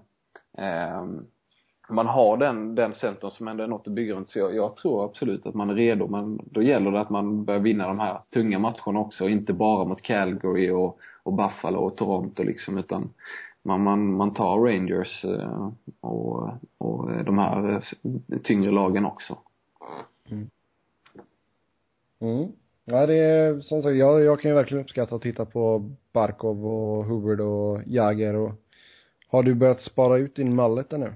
Nej, eh, nej, jag har tyvärr inte det. Jag, jag har fru så att jag får inte. Men då är det lugnt, då kan du egentligen göra vad du vill. Och, och min mamma är frisör, så du förstår jag hur lite jag bestämmer ja, mitt eget hår. då är det inte bra. Jag bestämmer nu mindre över mitt hår än någon annan i hela världen. ja, ja, det är fint. Ja, det var vår lilla Florida special det där. Eh, nu ska vi gå vidare och snacka om Hall of Fame. Och, ja, vi ska ju bara säga grattis till eh, Niklas Lidström, Tiger Federer, Chris Pronger, Phil Housley. Eh, alla gjorde jättefina grejer under deras karriärer, så det är bara att säga grattis egentligen, för vi har redan pratat om allt detta. Eh, vi har fått två lyssnarfrågor kring detta ämnet och den första är, är Lidström den bästa backen genom tiderna? Och är han den bästa svenska spelaren genom tiderna? Han är, Han är den överlägset bästa svenska spelaren i mina ögon. eh, Eh, utan tvekan. jag håller med dig. Jag, ser- inte vem som överhuvudtaget kan utmana honom. Ehm, världens bästa back genom tiderna liksom jättesvårt att säga. Jag, det är svårt att jämföra honom med Bobby Orr Ja. som det känns som att det kanske är de två det som det står emellan för jag har inte sett Bobby Orr så jag kan inte uttala mig om honom egentligen jag har bara sett Bobby Orr på sådana här hyllnings eh, highlights och program och dokumentärer och så vidare. Men på youtube kan du få vem som helst att se bra ut. Jo. Men vi kan nu tror inte jag att liksom det är youtube-manipulation för Bobby Orr, det är inte det jag menar. Utan han, Men- han revolutionerade ju hela backspelet och, och liksom eh, är ju, han är ju så gigantiskt stor så jag tror inte att liksom svenskar förstår hur jävla stor han var back in the days Men vi kan ju säga att Niklas Lidström är den bästa backen i modern tid. Ja. ja det tycker jag, utan tvekan Av de man har kunnat studera, alltså under en längre period i sin prime, liksom samma sak med Ray Burke, han hade säkert också kunnat eh, utmana där. Men han var ju liksom som bäst innan i alla fall jag hade kanaler att kunna titta på liksom. Eh, sånt spelar också roll såklart hur mycket man kunde studera dem, men, eh, men Ja. i, i vår tid så absolut. Det är den bästa jag har Men- sett i men- alla fall. Mm. Men även om man går in på alla de här, den äldre generationen som såg Bobby Orr och liksom kanske till och med spelar där och så vidare så för dem så är ju debatten i princip Bobby Orr versus Niklas Lidström.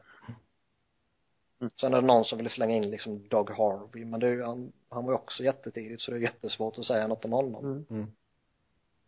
Ehm, så det är, ja, bäst genom tiderna, det är topp två för mig.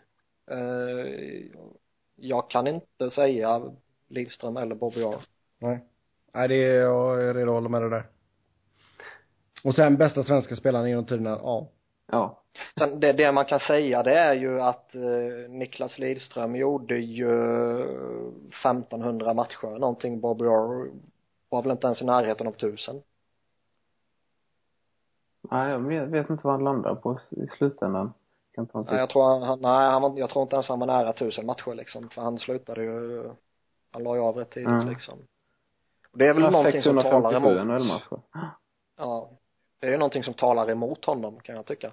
För jag värdesätter eh, ehm, prestationer över tid. Och det, där håller jag med och det är väl det som gör Lidström också till en större, för att många säger Peter Forsberg liksom, det är väl de två det brukar Han var stå bäst i två år Ja, typ. precis. Lidström var ju bäst, alltså det, det, man, vem som helst kan vara bäst i två år höll jag på att säga. Det kan ju absolut Nej, inte vem som helst men, men det är en större prestation att vara det över lång tid och vem vet, Bobby Orr kan ha varit skitkass de sista åren bara för att han spelar en spelstil som inte höll längre än så liksom.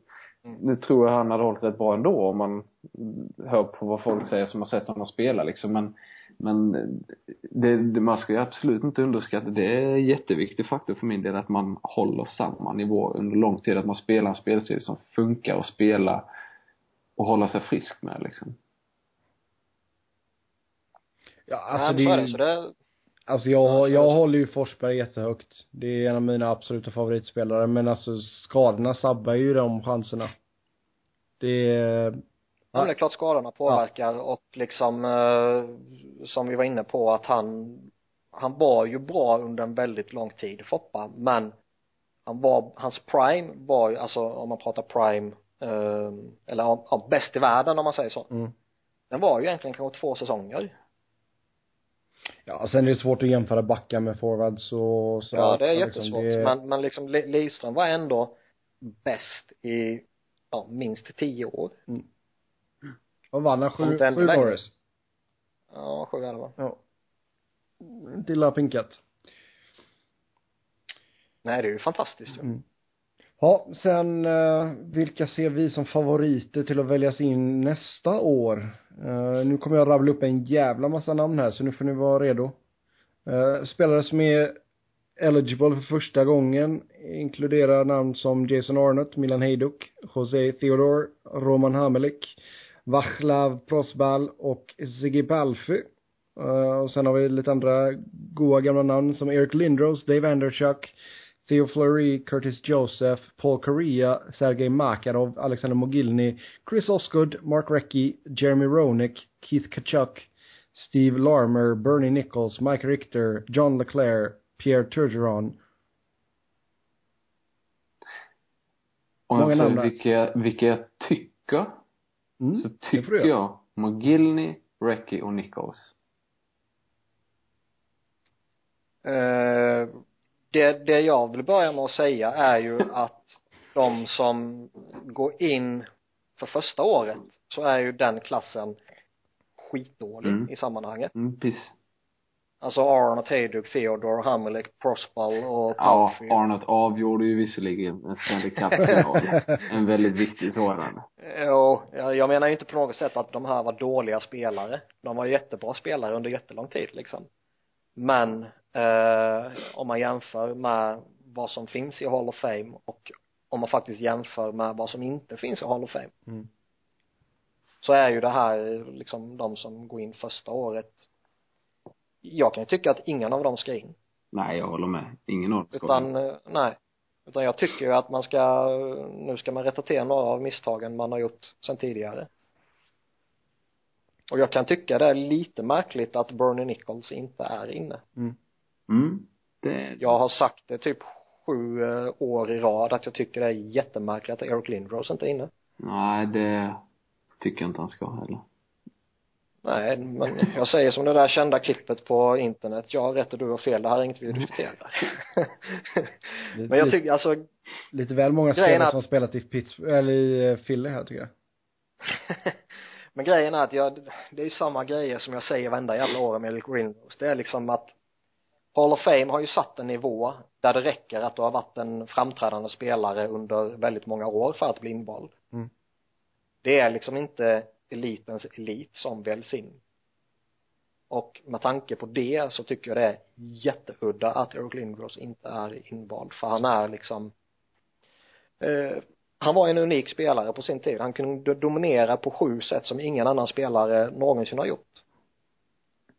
Mm. eh, det som talar emot honom det är väl eh, politik liksom. Vad det verkar som. Snacket som går är ju att det är för många i den här gruppen som bestämmer som tycker att han skötte allting på så smutsigt sätt liksom allt ifrån när han eh, dumpade Quebec till när han eh, ja eh, konflikten med Philadelphia liksom Jo. Alltså det känns ju sp- spontant som att den människan som sk- skulle vara mest självgod här ifall han kom bli invald, det är ju Jeremy Roenick. Han skulle vara så äckligt nöjd med sig själv alltså. Men han är ju också ett intressant fall. Jag säger inte att han kanske ska väljas in, men vi har ju haft väldigt få profiler som har varit större än JR. Mm. Mm. Och frågan är hur mycket man ska ta det i backning. Sen tycker jag att Mark Recchi tycker jag ska in.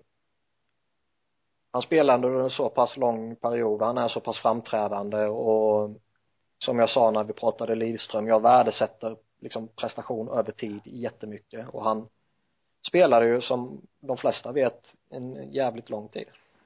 Mm. Vad, vad, Eh. vad, vad tycker ni om McGillney då? Ja.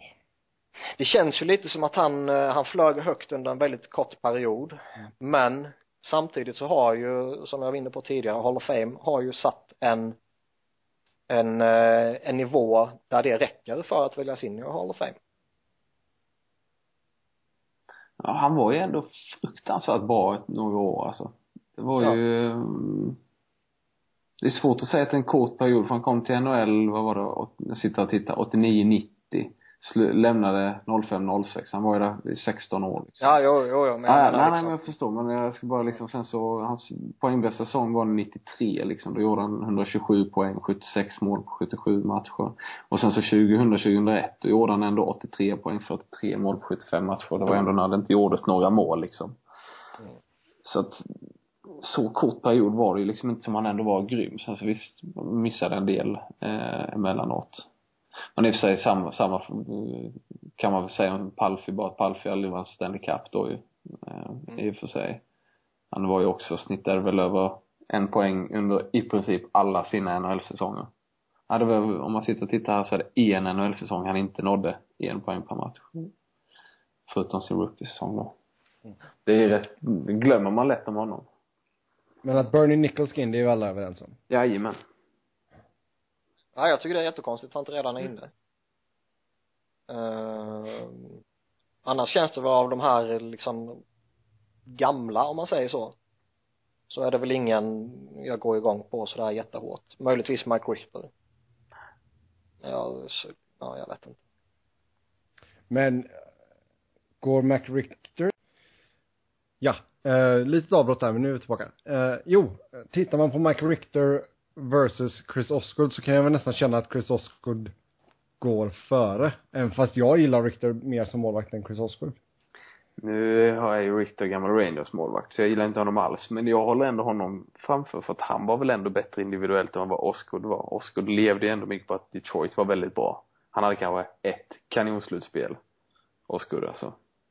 Men han var väl aldrig någon så här übertoppmålvakt i övrigt. det är klart han levde på laget han hade framför, sig. Ehm, um, sen är väl grejen att är du en dålig målvakt så spelar du ju inte eh, liksom 700 matcher. Och du vinner inte 400 matcher. Eh, så det är klart att han var en kompetent målvakt men skulle han gjort 744 matcher för eh, Columbus så skulle han ju aldrig varit aktuell för Hall of Fame Och det går kanske att säga om alla målvakter såklart. Eh, Men, men, nej, jag, ja, jag, jo visst men jag, han hade inte fått min röst i alla fall. Det, Mm. det kan jag säga. jag tror han kommer komma in någon gång för han har ändå vunnit så pass mycket Osgood? ja Mm. han kanske inte ska komma in redan nu Men tycker du att McRichter går före Osgood? Jag tycker inte att någon av dem nej. Jag tycker väl egentligen inte att någon av dem ska in. Eh, men uh, alltså grejen är att Hall of Fame för min del är ju samma sak som när vi pratar om att hissa de här jävla tröjorna i taket. Jag har ju en helt annan eh, syn på det än hur verkligheten ser ut. Jag har ju mycket högre krav och jag tycker ju att liksom charmen med Hall of Fame har ju de har liksom skjutit sig själv i fötterna genom att vet, ta in vem som helst i princip Ja, eh, blev, blev Osgood överhuvudtaget någon gång eh, liksom eh, eh, nominerad till någon sån här liksom eh, individuellt pris liksom? Han vann väl Jennings eller något sånt, men det är ju ändå ett lagpris. Han vann Jennings två gånger. Ja, men det är ju ett lagpris liksom. Var var han någonsin med i liksom Vesina om, alltså finalist eller, eller eh, Conn Smythe eller sådär liksom? det vet jag inte. Ja, för det, det måste man väl ändå ha som krav på att om man ska vara med i Hall of Fame så måste det antingen liksom som målis i alla fall ha varit påtänkt Vesina vinnare eller liksom ha i alla fall om man inte har det som Conn Smythe i alla fall. För att jag menar annars som Ja, håller jag aldrig har man inte gjort någonting ja nej jag håller med Samtidigt så ligger han, jag tittar lite snabbt bara nu men åtta genom tiderna i playoff wins, fyra all time playoff shutouts, tio all time wins överlag. mm.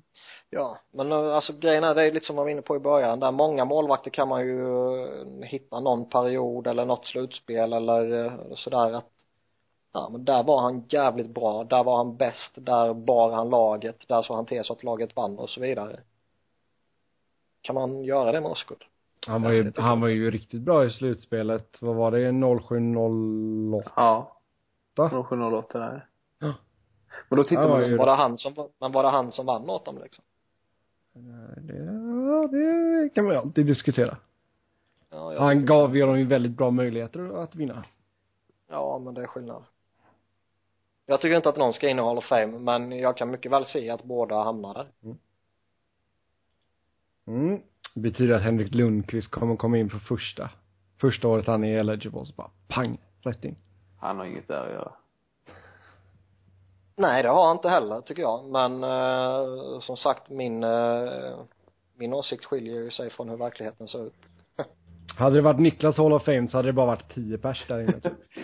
Jo men det är väl lite det som är Hall of Fame också. Annars, annars tappar det ju själv, alltså jag har verkligen svårt att gå igång för, på sånt här liksom. För att det är liksom, det är precis som All Star-matchen. Det är bara skit egentligen. Ja, eller hur? Det ska vara elitens elit. Ja. Annars är det ju liksom ingenting att ha där och, eh, ja. Men det är inte vi som bestämmer. Det är ju tråkigt. Ja. Som man alltid landar i när man allt, sitter och så allt, och pratar. allt vore bättre om jag kunde bestämma ja, bara. lite så. Ha! Vilket samhälle vi hade levt i då. Usch, Ja, usch, usch, usch. det var Uh, skitbra. jag läste precis att Pasternak är borta på obestämd tid. Ska han in i Hall of Fame? Nej, men uh, Ja, men han, han tillhör ju en av de bästa rookiesen i år så det första månaden i alla fall. världens sidospår här men ja, nej, det är klart det är väl inte någonting som är positivt för Boston. nej. Boston. Mm. Ja, uh, ska vi se vart vi är i körschemat här nu. Don Cherry står med också. Ja. Nej. Varför? Han har väl betytt Ja. mer för hockeyn än någon vi har snackat om nu. Jag vet, men han, är- han har gått blivit en sån konstig gammal gaggig gubbe som bara säger massa dumma saker hela tiden.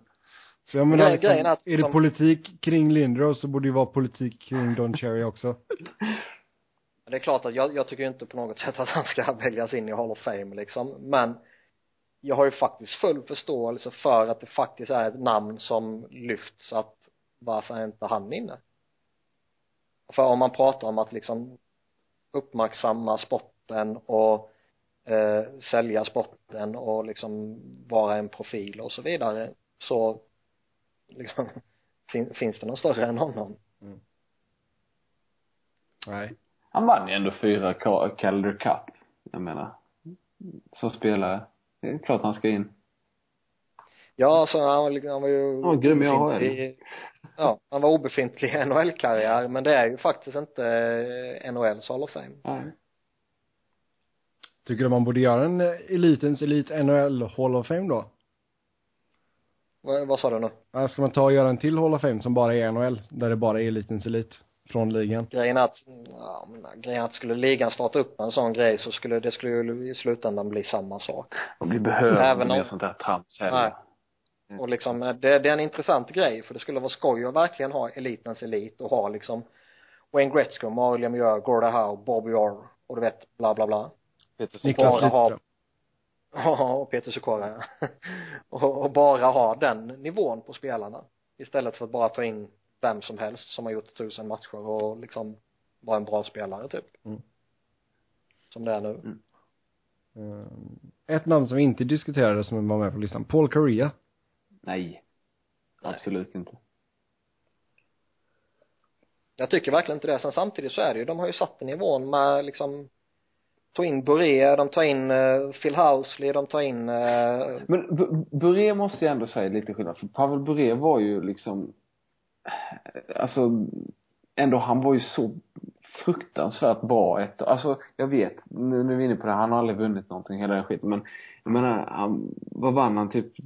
Han måste ha vunnit Rocket några gånger, eller det hette väl inte Ja, det då, fast men det- alltså han, Nej men alltså grejen är att jag, jag har liksom inga krav på att man ska vunna, eh, vunnit kuppen för att komma in i Hall of Fame. nej. Eh, däremot så, vad ska man säga, har, har man satt en nivå där rätt många spelare som antingen hade en väldigt kort prime, vilket Boré trots allt hade, även om den primen var helt galet bra, så var den ändå kort. Men om man satt en nivå där sådana spelare väljs in eller Cam till exempel som var något liknande eller där eh, man plockar upp en spelare som egentligen bara spelade lång tid i NHL Mm alltså Men när vi snackar breda igen, Court Prime, alltså liksom 92-93 gjorde han 60 mål. 2000-2001 gjorde han 59. Så det är ändå nästan 10 år. Vi snackar 8 år där han ändå Alltså det är bara två av säsongerna, alltså, eller egentligen om man tittar på hur mycket han spelade så egentligen så nådde han ju, ja det är, det, det är tre 50 målsäsonger och två 60 målsäsonger. Alltså det, det är ändå ingen det är enormt mycket mål och samtidigt som det liksom ändå är en åttaårsperiod. Jo, men jag menar, jo, jag förstår vad du menar, men jag tror du förstår vad jag menar också. Att liksom när man är på topp på topp och Ja. det bara är liksom en handfull säsonger. Ja. Jo, Som det visst. i hans fall var. Ja. Eh, jag värdesätter ju hellre att man ligger på en väldigt hög nivå under 15 säsonger. Men som sagt, jag, jag tycker det är urvattnat och jag tycker att man kan föra argument för i princip vem fan som helst att han ska väljas in i Hall of Fame. Mm. Men Phil Housley hör väl inte så hemma eller? Förlåt, vad sa du? Phil Housley ska ju inte så, det var väl inget fel att han kom in. Håll inte jätte Alltså det, Han har gjort, han har gjort över 1200 poäng som back. alltså det är väl inte fel men återigen liksom han var inte, han var inte bäst och han var inte den som liksom revolutionerade på något sätt utan han var bara han var bra under väldigt många år. Och, och även om jag värdesätter det som sagt så sätter man den nivån att det räcker att du spelar eh, vad kan han ha gjort 20 säsonger i ligan liksom. Om det räcker att du spelar 15-20 säsonger och gör poäng så ska du väljas in i Hall of Fame. Och då är det ju liksom hur många som helst som ska väljas in i Hall of Fame jag, jag kan på något sätt, jag håller med dig. Men på något sätt när ändå 20 säsonger, det, är- det är precis vad han spelar och liksom att, att hålla den nivån under så lång tid. Det, det är ju en grej liksom. Eh, då kan jag ändå tycka att det på något sätt är motiverat. Men, men under rådande omständigheter liksom. Eh, med tanke på hur det är, då- är det klart han ska in. Men annars håller jag med dig där. Det är liksom ah, Annars är det inte de bästa liksom, eller jag vet inte riktigt vad kraven är för det. Är det bara de som är, har varit väldigt duktiga liksom, då är det ju, då får man väl finna sig i det, men då känns det ju liksom helt meningslöst att ha det här. Ja, för grejen är alltså nivån de har satt nu om några år så kommer det inte räcka med att välja in fyra spelare per säsong. Snart kommer vi ha en där liksom, där du måste välja in typ åtta, tio spelare på ett år för att få plats med alla liksom. Och så slutar det med att varenda spelare i hela NHL så småningom kommer in i Hall of Fame. Mm. Mm. Yes, eh, vi släpper Hall of Fame-snacket där och så går vi tillbaka till våran tillbakablick. Eh, förra veckan så snackade vi några trades. Eh, den här gången så blir det lite UFA-kontrakt. Eh, vi kör från 12, 2012, 13 och 14. Eh, Niklas har valt ut ett gäng här. Eh, vi börjar 2012. Jiri J.D. Signade fyra år med Calgary på fyra miljoner. Och det har blivit lyckat, får man ju säga. Mm. Vad blev, Ja. vad, vad blev han i fjol i poängligan? Typ åtta, sjua? Så att det, det, det är väl inte så mycket att orda om. Det är ett kanonkontrakt för Calgary. Ja, nej, det har väl funkat jättebra för dem. Eh, frågan är väl vad man uh, gör med honom nu. Mm. Ja. Alltså han, eh, han är pending UFA, eh, han är 31 bast nu, fyller år i januari. Eh, alltså så som han har presterat förra säsongen och eh, om han fortsätter på någon liknande väg, han är, eh, han har ändå gjort eh, 12 poäng på 16 matcher om den här sidan som jag tittar på, Hockeys cap är uppdaterad. Eh, så eh, jag menar det är väl inte helt omöjligt att han kommer kräva och kanske ska ha ett riktigt bra kontrakt. Och tror man på att han kommer hålla över så lång tid så att han ska få ett 5-6 års kontrakt på 5 miljoner. Alltså kan du få han till typ 4 till 5,25 så Ja. har jag nog tagit det. Precis, det var jag tänkte fylla i där. Eh, och jag, jag tror han blir kvar i Calgary faktiskt. Jag tror Han jag nog rätt kul där. Men det hade jag också haft ifall jag fått lära mig Johnny Hockey. och eh, Sean Monahan. ja, verkligen. Ja, sen eh, Ryan Suder och Zach Parisi, 13 års kontrakt. Eh, Parisi kommer över från New Jersey och Suder från Nashville. Eh, som sagt, 13 års kontrakt och eh, ja, de ligger på drygt 7,5 i cap. Alltså, man kan väl säga så här. Individuellt har de väl presterat ungefär som man kan förvänta sig. Tycker jag väl ändå. Eh, klart Suder hade kanske lite högre förväntningar men han har ändå varit stabil, han har varit deras bästa back liksom utan tvekan. Men det har ju inte fått den effekten som man hoppats att det skulle ha. De har inte blivit det här riktiga topplaget som man trodde att det skulle innebära när man fick dem.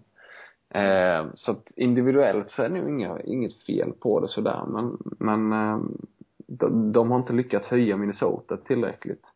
Om det beror på dem, det är svårt att säga om det är just den signingen och de fick ju lite, säkert liksom några som de har lyckats signa på grund av att Paris och Suder kom dit men, men det har inte blivit det lyftet som man har velat liksom. Så att eh, man får väl säga ett mjä på det. Ett mjä? Okay. Ja, alltså Ja. Det, det, det, det är okej men det, det har liksom inte gått i lås helt och hållet. Framförallt så känns det ju som eh, att man tjänar upp 13-årskontrakt på några spelare som man kanske kommer att ha nytta av i fem, sex och sju år. För det känns ju lite som att deras fönster till att vinna är väl de här åren som har varit och de här åren som kommer. Mm. Om man tittar på Parisi, han är ändå 31 bast. Kommer han vara samma spelare när han är 35, 36, 37? Och ännu äldre. Och Mikko Koivu är på nedgång. Hur, hur länge håller Thomas Warneck och Jason Pominville till exempel? Och Ryan Suder tror jag kommer vara en en bra back även när han är liksom 37, 38. Mm. Men han kommer ju inte vara en av ligans bästa backar. Nej precis och det är det som är problemet. Det, det börjar ju, de, de här unga spelarna som, som liksom börjar växa in, ja men typ Zucker och Coil och de vi snackade om innan. Men de, de är något år för unga just nu för att det ska klaffa riktigt. De, de liksom missar lite övergången känns det som. Mm. Paris och de lämnar sin prime lite för tidigt för att man ska få de här att klaffa helt och, och Granlund och det gänget liksom så att det är en, en god chansning men, men det går nog inte hem. Ja. Nej, jag, jag reagerar ju mest på längden när man tittar tillbaka på de här kontrakten, så usch. Mm. Eh, Jo, det är klart. Matt Carl eh, signade till Tampa, 6 år, 5,5. Från ditt kära Philadelphia. Eh, ja, jag ser ju det här som, ja, dåligt. Mm. Eh, jag är väl, jag är jävligt glad att man, att Philadelphia släppte honom om det här var kontraktet som man skulle signa honom på. Mm. Vilket snacket gick om ju. Ehm, för det var liksom lite, det var ju, han gynnades ju, han spelade med Chris Pronger och liksom Chris Pronger har ju under sin karriär fått vem fan som helst att se väldigt bra ut. Mm. Ehm, det var ju en konst han hade och som han givetvis inte var ensam om men Matt Carl såg ju helt annorlunda ut med honom eller jämte någon annan och eh, jag tyckte det var helt rätt att släppa honom Mm. Och jag är ännu mer nöjd för det nu liksom han har ju inte visst han har gjort några poäng eh, i Tampa och så vidare men han har ju inte varit en 5,5 miljoners back och eh, nu är ju frågan om han överhuvudtaget är liksom ska vara ordinarie för dem Och det är ju problem där med lönetaket också så det är klart det han ställer till. Lyckas man trada honom så, så är man ju väldigt glada sen är ju det, det som räddar Tampa lite är ju att de de har ju inga dåliga kontrakt utöver hans. Nej, lite så är det väl. Eh, man kan visst man kan väl titta lite mot typ Jason Garrison men det är ju ingen katastrof situation med honom tycker jag nej, det, det är liksom, precis. Det är ju kanske inga toppkontrakt vissa av dem. Men, men, eh, men visst.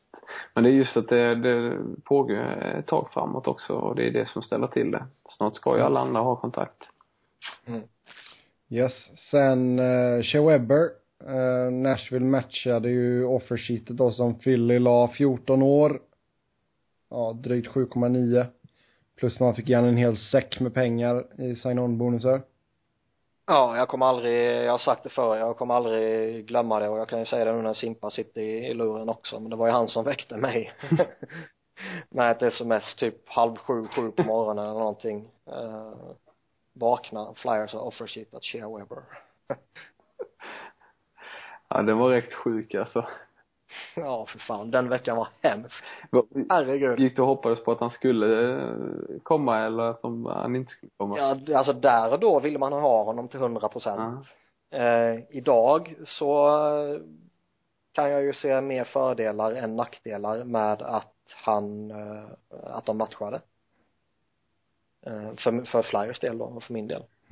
Eh, Men jag tänker, är det så, sånt panik? Jag tycker ändå om man tittar på Twitter, det är många som bara, ja de skulle bara trade honom nu. Är han verkligen så mycket på nedgång? Jag har inte sett Nashville mycket de senaste åren, tyvärr. men Alltså grejen är att det, det som gör att det snacket finns, det är väl kontraktet liksom. Mm. För menar, han, han är väl ändå fortfarande en, en riktig toppback, i alla fall det jag Ja, det tycker jag. Jag håller honom fortfarande jättehögt. Sen om han fortfarande är topp fem i ligan, det kan man väl argumentera för fram och tillbaka. Mm. Det är väl en smaksak och så vidare. Mm. Men eh, Och han kan ju, menar, titta med, han kan ju vakna till liv också. Det är inte så att han är inte jättegammal, han är 30 liksom så att han har ju gått om tio, många år framför där han fortfarande kan producera. Det kan ju vara att han har en dipp ett eller två år och sen vaknar till liv igen. Lidström hade ju någon mellansäsong där han inte var Norris liksom. Problematiken är väl att de inte har fått ut så värst mycket eh, om man tittar lagframgång ja, i hans liksom jättedyra år. Nej, det, det är ju helt sant. Uh, och liksom kontraktet är ju CP-långt och jättesvårhanterligt eh, på sikt för eh, om man liksom blir ett kapplag om man säger så. Då blir de väl aldrig. börja dippa av.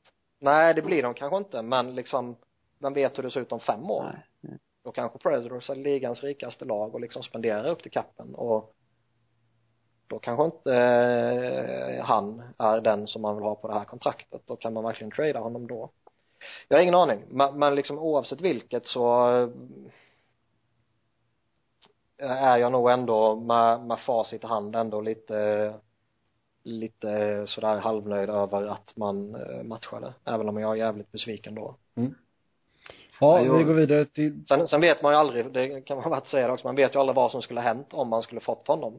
Nej. Med tanke på att liksom Pronger, Prongers skada har ju påverkat så enormt mycket. Det har ju fått sådana stora ringar på vattnet och man har försökt göra det här och det här och det funkade inte, gjorde man det här och liksom det har varit jättemånga saker man har provat för att ersätta Pronger. Skulle man fått Shea Weber så skulle man kanske aldrig gjort alla de här grejerna som man har gjort. Jag hade aldrig haft Wayne Simmons. Um. Uh, det var, jo, man gjorde väl det 2011? Jo, jo, jo. Klart ja. ni hade. Uh, vi går vidare till 2013. Uh, David Clarkson signar med Toronto. Hometown boy. Sju år, ja. 5,25 mille i cap. Vi skrev så här uh, beskrivningen, vi tar inte vissa på grund av att de är så uppenbara floppar. Alltså detta ja.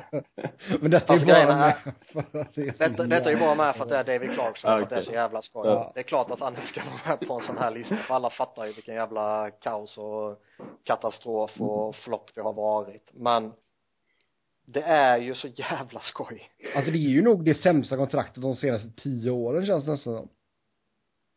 Nej. Uh, uh. Det finns ju några Rick DiPietro säger hej. Ja, Okej, okay, de senaste fem då, då. Ilja Bruscala var inte så jävla lyckat. Nej, det var inte heller sådär jättebra, nej.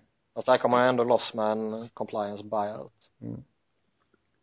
Ja, det, det, nej men det är klart han, att Clark, han Clarkson är ju Han konkurrens i alla fall. Mm. Ja. Clarkson är ju en, vad säger man, ett stoppalternativ till en, i en sån diskussion. Ja. Fan vi får och, in bra namn här nu i chatten också. Ville Leinor, Yashin, Semin. Ja, det är bra namn. Mm. Ja, vi ska väl säga det också, de, de jag har väl mest, eh, jag tror det är något, något enstaka tvåårskontrakt, annars har jag satt gränsen på ett, tre år. Mm. Uh, annars fanns det ju en del, uh, typ ettårs och tvåårskontrakt, liksom Semin, han signade ut ett ettårskontrakt med Keynes till exempel, mm. först. Ja, um, Valtteri Filppula, Tampa Bay, fem år, fem mille. Ja men det känns väl helt okej. Okay. Det är inget katastrof, har inte varit kanon heller. Det är väl lite Nej. mittemellan, mellanmjölk. Mm. Sen eh, Vinnik Le Cavalier. Philly, fem år, fyra och en halv mille. Också sånt där uppenbart dassigt kontrakt. Ja, egentligen ska inte det stå med heller, men det är en sån galen situation så det förtjänar väl att stå med på något sätt, lite som Clarkson liksom. Mm. Eh, vi skyndar på lite här nu för jag vill komma till lyssnarfrågorna. Eh, 2014, Jerome Ginla, Colorado, tre år, 5,33 miljoner capita. Skittråkigt ur Ginlas synvinkel. Han kan Mm. hitta på Ja. för dem. Det var synd. Ja. Paul Stastny, St. Louis, fyra år, 7 miljoner capita. Flopp. Ja, ja det är det väl på, på den korta tiden som har gått hittills. Eh, däremot så tycker jag väl fortfarande att han visade lite positiva grejer här denna säsongen innan han blev skadad och eh, att, eh, alltså som vi sa redan när han signade kontraktet att man kan få en sån spelare i den åldern som han var då. Han var väl typ 26 eller 27, 28. ja, 28 något sånt där då. Ja. Eh, på ett fyraårskontrakt bara. Det är ju jättebra. Mm. Ryan Miller, Vancouver, tre år, 6 mille. Var skitsamma. Ja, nej men lite så är det annorlunda men, men kontraktet Ja. säger ja. Det var det. Eh, Benoit Poulion, Edmonton, fem år, 4 miljoner.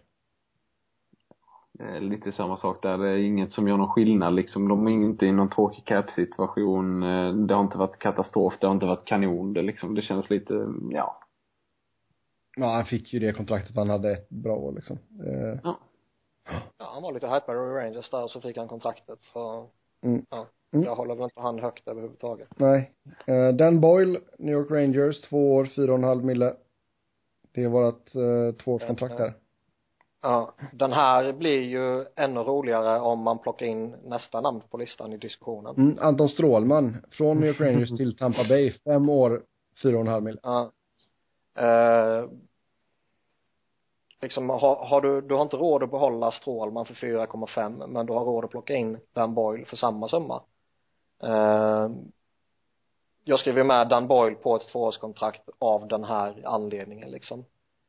Eh, och visst, man kan väl alltid diskutera liksom att man inte ville signa upp Strålman på ett långt kontrakt men jag köper ju inte heller det argumentet när det handlar om kanske fyra eller fem år. Jag köper det argumentet om man snackar sju eller åtta år.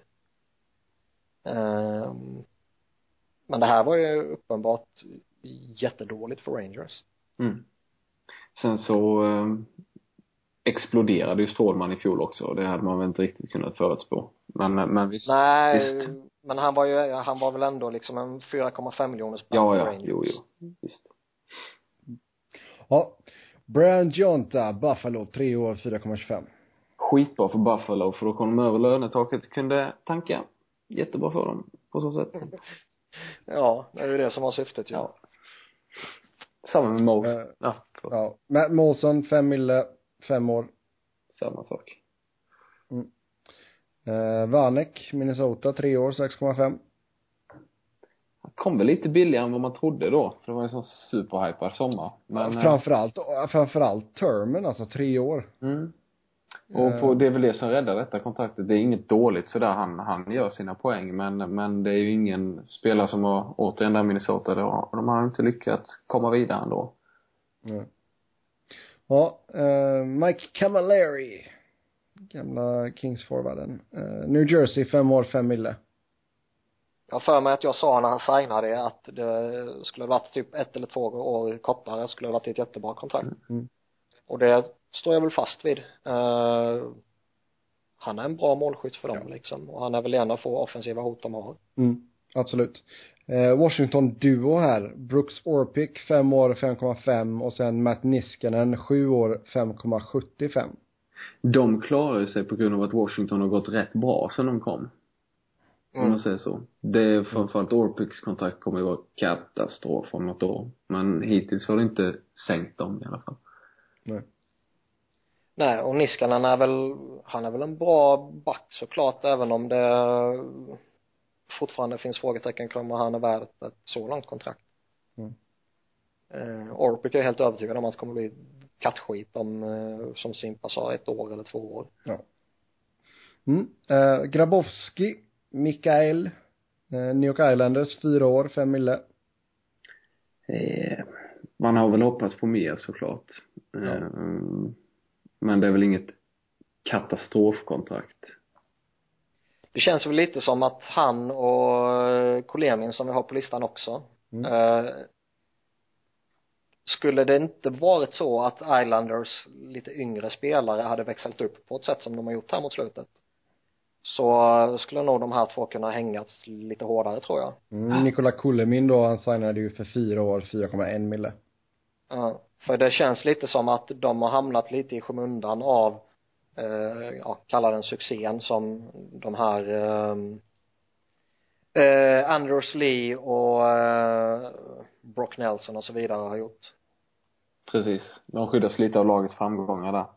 Ja, Eh, lite samma sak som med Capsbackarna där egentligen. Så det var de kontrakten. Jag vet inte vad vi ska göra nästa vecka, men det blir väl någon form av, någon tillbakablick igen antar jag. Eh, nu går vi in på lyssnarfrågorna.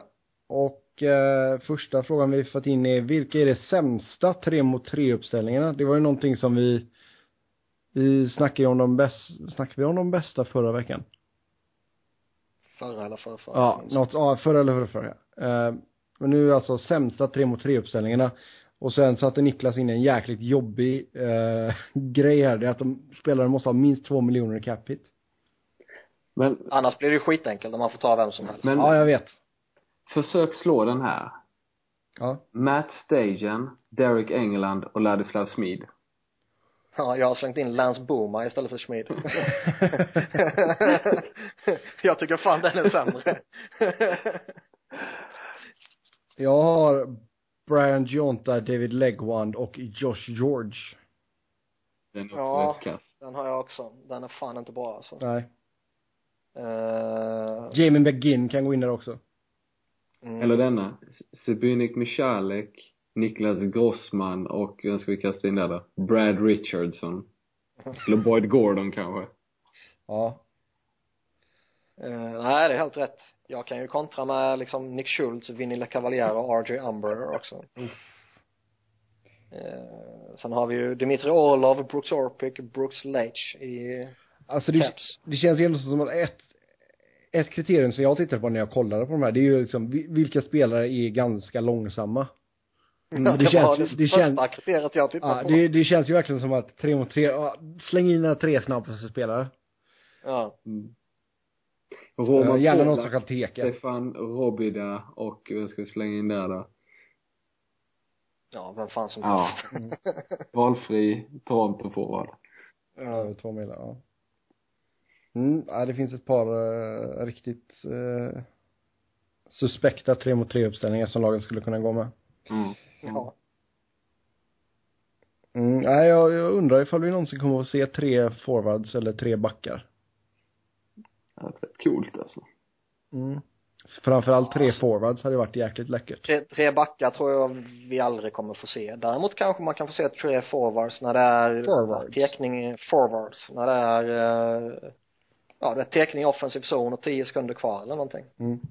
Mm. Why not? Och så chansar man. Mm. Mm. Ja, det var den frågan. Det går vidare där. Uh, oj, nu ska vi ge resetips också.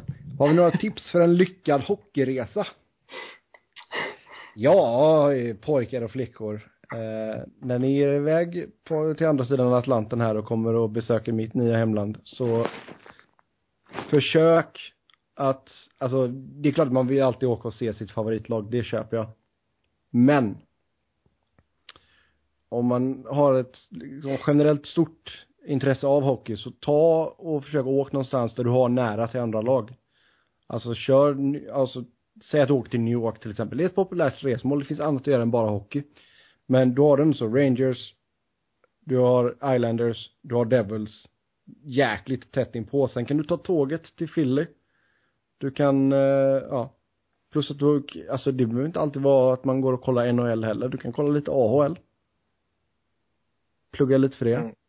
Alltså New York är ju uppenbart för så många anledningar. Mm. Eh, och det är ju jättesmidigt och jag, åka tåg eller flyga liksom eh, inom USA därifrån också Men eh, då, då måste jag kontra. Jag har ju bara varit i Florida och kollat hockey. Jag har varit det några gånger. Det är faktiskt rätt fett ändå. Ja, det är inget med, ingen publik på, på, i arenan. Nej, det stämmer. nej, Men man- det är tyst och skönt, Ja. du kan koppla av Cam. Det är ja. billiga ja. biljetter. Ja, vi var Vad faktiskt bra med att vara Kisscam. med på Kisscam. Ja, men det, det var jag. Eh, sen så, eh, billiga biljetter, men framförallt, det är faktiskt riktigt coolt att bara glida ner där bland palmerna och gå in i arenan och sen bara, ja, ligga på stranden på dagen och sen gå och kolla lite hockey. ja, Jo, det men alltså- faktiskt också vilja På så sätt är ju Kalifornien ett bra ställe att åka till också. Du har liksom tre NHL-lag. Sen nu har du, ja vad är det, fyra eller fem AHL-lag också. Ehm, så då kan ni komma hit till Bakersfield och säga hej till mig också. Men det man Eh. kan tänka på är ju att när man tittar på kartan ser det ut som att alla ställen är väldigt närvarande i USA. Typ så här, Mm. bara, ah, men man kan åka dit över dagen. Men det tar en stund att åka den där, för det är rätt långt ändå. Ja, ja, herregud. Nej, men som sagt, alltså roadtrippa upp och ner längs Kalifornienkusten, det kan jag ju rekommendera. Det är alltid kul. Så, eh, ja, ja, Kalifornien eller New York känns väl som de två hetaste sådär om man inte är helt, eller Philly helt sett på, ja men som jag sa Chicago. där, alltså åker, åker du till New York så kan du ta tåget till Philly liksom, det är inga problem. Eh, men det ja, det är så, liksom visst om du ska åka till typ Chicago eller någonting, ja då kanske du får planera ut lite mer vilka andra ställen du kan åka till. Eh, för det bästa är ju att försöka klämma in så många matcher som möjligt. ja Det, och det är därför New York är så uppenbart Ja. och det är enkelt att åka dit från Sverige mm, absolut. Men det är väl hyfsat enkelt att åka till eh, Los Angeles också va? ja går det direktflyg till exempel jag vet inte Det går direkt för, till Florida. ja. men det är ju, nej men, ja men det är ju det som är fördelen med östkusten liksom Ja. jag vet inte hur det ser ut inne i landet eller Stå, eh, st- Stock, österut. Stockholm, LA går väl? jag vet inte Men det går väl Göteborg, St. Louis två gånger om dagen också va? Visst är det så? Fullt Fan vilken trökig resa Göteborg, St. Louis. Ja. Från, från, vad heter den, utanför Göteborg där? Landvetter. Ja, det blir det blir bra. Landvetter. Landvetter är ingen rolig flygplats alltså. Eh, bättre än Säve dock, ska ju säga. ja Eh, Säve, St. Louis. Tur och Ja. tur. fan, bara, bara Säve, London var ju ett helvete. Ja, det har också flugit. Jag, jag körde av på eh, avfarten mot Landvetter för jag visste inte att det fanns två, eh, två flygplatser i Göteborg. Så bara, när jag åkte ner, bara, ska vi inte till Göteborgs central? Jag bara, nej det finns bara en i Göteborg. Hon bara, nej men jag tror det finns en till. Tittade vi på biljetten här så inte Landvetter så då fick vi, det var ju Ryanair också så jag fick köra Ja. allt jag kunde sen igenom rusningstrafiken där. Men vi Det är ju en ganska bra bit mellan Landvetter och Säve kan vi säga. eller hur? Mm. Ja. Ja, nej men som sagt, försök att boka in så många matcher som möjligt och alltså var inte fega till att kolla AHL också. Om man kan pilla in de matcherna emellan NHL-matcherna. jag var inte rädd för att kolla på lag som inte är dina egna lag Nej, liksom, exakt. eller ditt eget lag Absolut. Nej, eller alltså att du kan tajma det så att ditt lag är eh, ja, säg att du är Vancouver-fan. Eh, ja, att du kan ta då Vancouver när de tar den här trippen till östkusten och spelar Islanders, Rangers och Devils. Det är ju ofta de, alltså när lagen kommer från ena kusten till den andra så brukar de beta av alla lagen på en gång liksom. Mm. Så eh, Emil frågar vem fan är Vancouver-fan? Ja, någon finns det säkert. vem fan är Carolina Nej, så som sagt, så det är, nej, det, det gäller ju bara att maxa ut sin resa liksom. Det, det, det, det, det, det, det där det ligger liksom. Sen är ju inte New York det billigaste resmålet i världen, det ska ju gudarna veta. nej men det är fan värt att åka dit någon gång Mm, en mäktig stad mm, absolut. Ja, nästa fråga. Eh, är Philadelphia i rebuild mode eller vart är man på väg? Eh, är man på väg upp eller ner? Ska någon få kicken? Någon ska väl få kicken, det är Flyers, men eh, jag tror dra, dra lott eller något sånt där. eh, man är väl i en rebuild så tillvida att man väntar in de unga backarna jag tror att alla inser att man inte kommer på något sätt hota innan man eh, liksom ser dem växla ut. Alltså Provorov, Sandheim och Mm. Moran och eh, eh, Hägg och så vidare. Men det känns ju bedrövligt med tanke på att man har Giroud och Voracek i sin prime. Ja, men vad fan gör det om du inte har spelare som kan ge den pucken? Jo. Men, men hur, alltså, jag, jag är ändå lite så här, liksom, visst det är väl bra backar som är på uppgång, men hur bra är de egentligen? Alltså, är det någonting att vänta på egentligen liksom, eller kan man inte lika gärna trada sig till sådana, sådana talanger? Är det liksom, Alltså, kan gre- man komma att det- och göra dem till ett topplag? Är de så pass bra? För jag menar det, Det, ja, det vet man inte förrän de är uppe givetvis ju. nej så, Eh, såklart. Men man har så pass många så jag, det är liksom rimligtvis borde i alla fall någon eller få liksom slå ut. Mm. Eh, och man har liksom vad fan ska man trada med liksom? Hur går det för dem i AHL och juniorligorna? Eh, Sandheim gick ju sönder häromdagen. Just det. Eh, och missade någon sån här eh, juniorlandslagsturnering eller vad fan, jag vet inte vad de heter. Eh, Ghostisborough är väl en sån här som eh, härjar i AHL nu och som om man tittar på prestationerna på isen i Flyers kanske borde lyftas upp egentligen. Eh, men som då å andra sidan kanske egentligen utvecklas bättre av att fortsätta i AHL. Så det, men det, ja nej. Grej, grej, jag, jag känner mig rätt så övertygad om att man måste vänta in dem och sen är det som Simpa säger, man vet ju inte vad som händer men eh, det är den enkla vägen att ta. Mm. Att börja trada sig till eh, liksom quick fixes, det har man gjort så många år nu så det och det har man liksom uttalat att det kommer vi inte göra längre så jag tror man kommer eh, liksom eh, härja ut här nu liksom Le Cavaliers kontrakt och Umbers kontrakt och Låter när de börjar bara. eh, ja men liksom när de nej men det är ju så det är jättetragiskt och men det är ju sanningen och när de börjar försvinna så eh, hopp- förhoppningsvis är det väl då som de här unga backarna ska kunna göra någon impact liksom Ja. Ska någon sparkas? och ingen som, nej det är ingen som sparkas Ingen som sparkas? Okej. Inte ens materialen? Jag kan inte finnas någon, någon måste de väl kunna sparka. ja sparka någon jävla eh, Louise på accounting eller så Ja. men eh, fan det har gått 15 matcher Hextall kommer aldrig sparka sin tränare efter 15 matcher som han själv jagade stenhårt för att få Nej, jag menar, det är klart det finns väl ingen anledning att sparka dem, men, men någon i, i organisationen måste man kunna sparka bara för skojs skull liksom. han sparkar någon jävla development coach eller något sånt där Mm. Eh, vi går vidare. Nästa fråga är, vem ska fylla hålet jämte Chris Kreider och Derek Stepan i Rangers? Ingen tar platsen.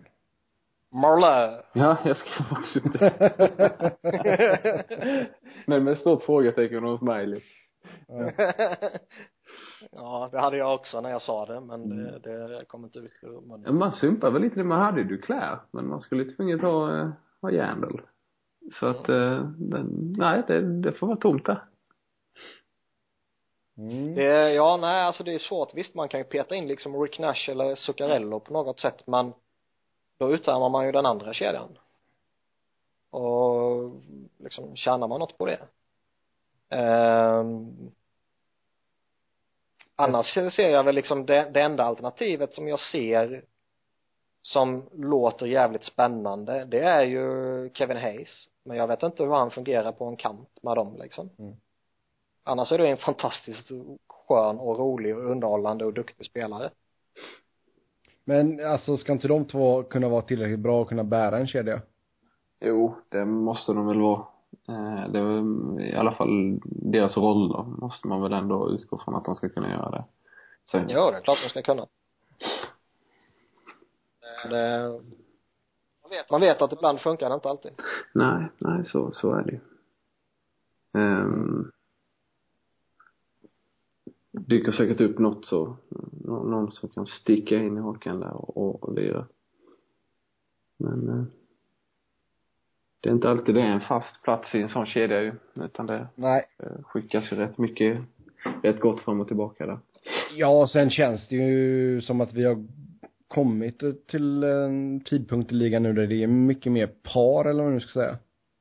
Det är Ja. mycket en, en center och en winger från ena kanten då som är, det är de som är liksom, de två är ihop och sen så komplementerar man med någonting annat.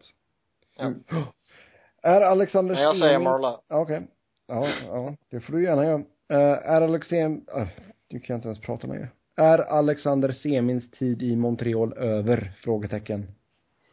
Eh, väl, han har ju kontrakt säsongen ut så att eh, eh, men, men visst, han han har nu förbrukat sina chanser där, det, det känns ju nästan så. Om det inte är massa skador som man måste trycka in honom eller om de börjar gå ordentlig kräftgång som man vill röra om men eh, man räknar inte med honom lite, längre. Nej. Det som var lite skoj var ju när, när han kom och så var alla helt överens om att ja, ja, det kommer ju gå tio matcher, sen kommer han petas och Michel Therrien kommer tröttna på honom. Mm. Och sen går det tio matcher och så petas han och så får alla panik över att han petas. Ja men det var ju liksom, han har ju inget, det är inget kontrakt som ställer till det liksom så att det är ju lite skitsamma kanske Nej. på så sätt. Och jag, jag kan ju, jag kan mycket väl tänka mig att de, eh, om de inte vill ha kvar honom utan söker en trade så kan jag mycket väl tänka mig att det är rätt många lag som Mm. eh, kanske plockar upp honom bara för att se vad som händer Ja, ja. på ett billigt ettårskontrakt liksom. Jag kan tänka mig att Caroline är riktigt sugna på honom så. ja. Ja. Eh, Ska vi se nästa fråga här då. Kan Anaheim och Washington överväga en Carl Hagelin mot Marcus Johansson trade? Varför? Har detta diskuterats? Eh, Jag har inte hört det alls.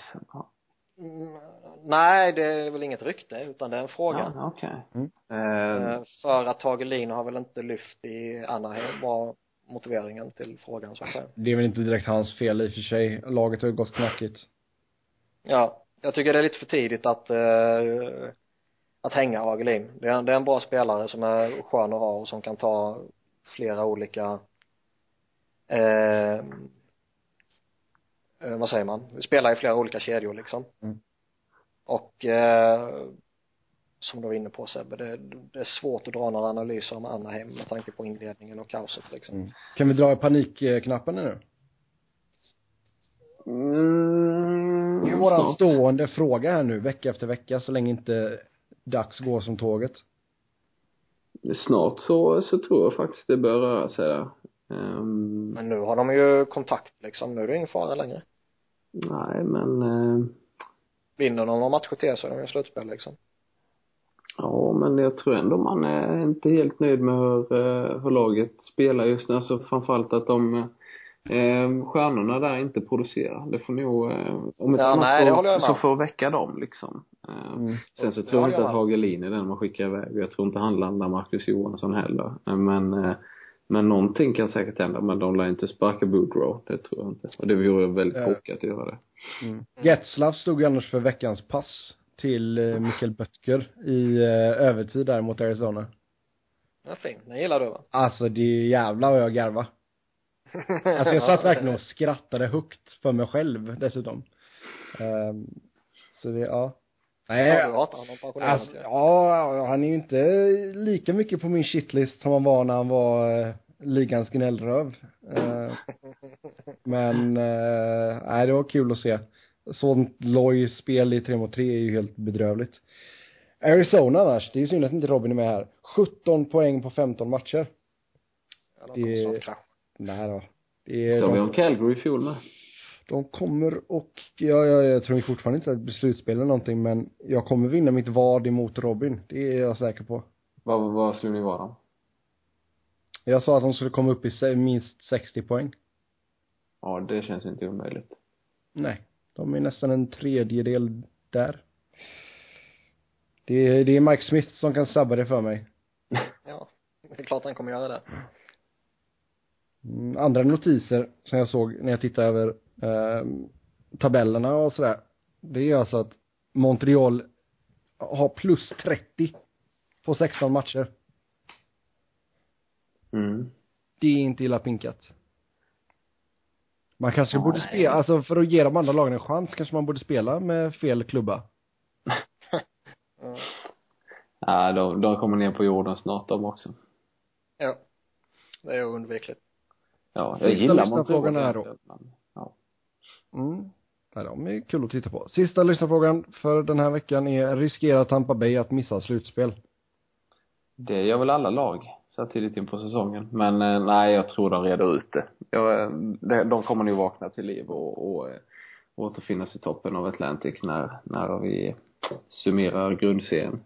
De har så mycket bra spelare och, och en bra coach och bra lagledning hela vägen. Det, det skulle ju vara något sånt med lite skador eller att det verkligen skiter sig med Stamkos och det blir en massa riktigt strul där. Ja, Mm. då kanske men nej, jag tror de reder det. Ja, det känns som att man har Ja. li, lite för mycket kvalitet i laget för att, Ja. för att göra en Kings. Ja, och de, de, de vann ju inte. Så, eh, Fan, så, nej. så mycket kan de inte ha festat. Nej. Framförallt så känns det ju som att eh, de ska inte kunna missa slutspel i eh, Eastern. Vi pr- Vi pratade ju lite Chicago, samma sits förra veckan liksom. mm.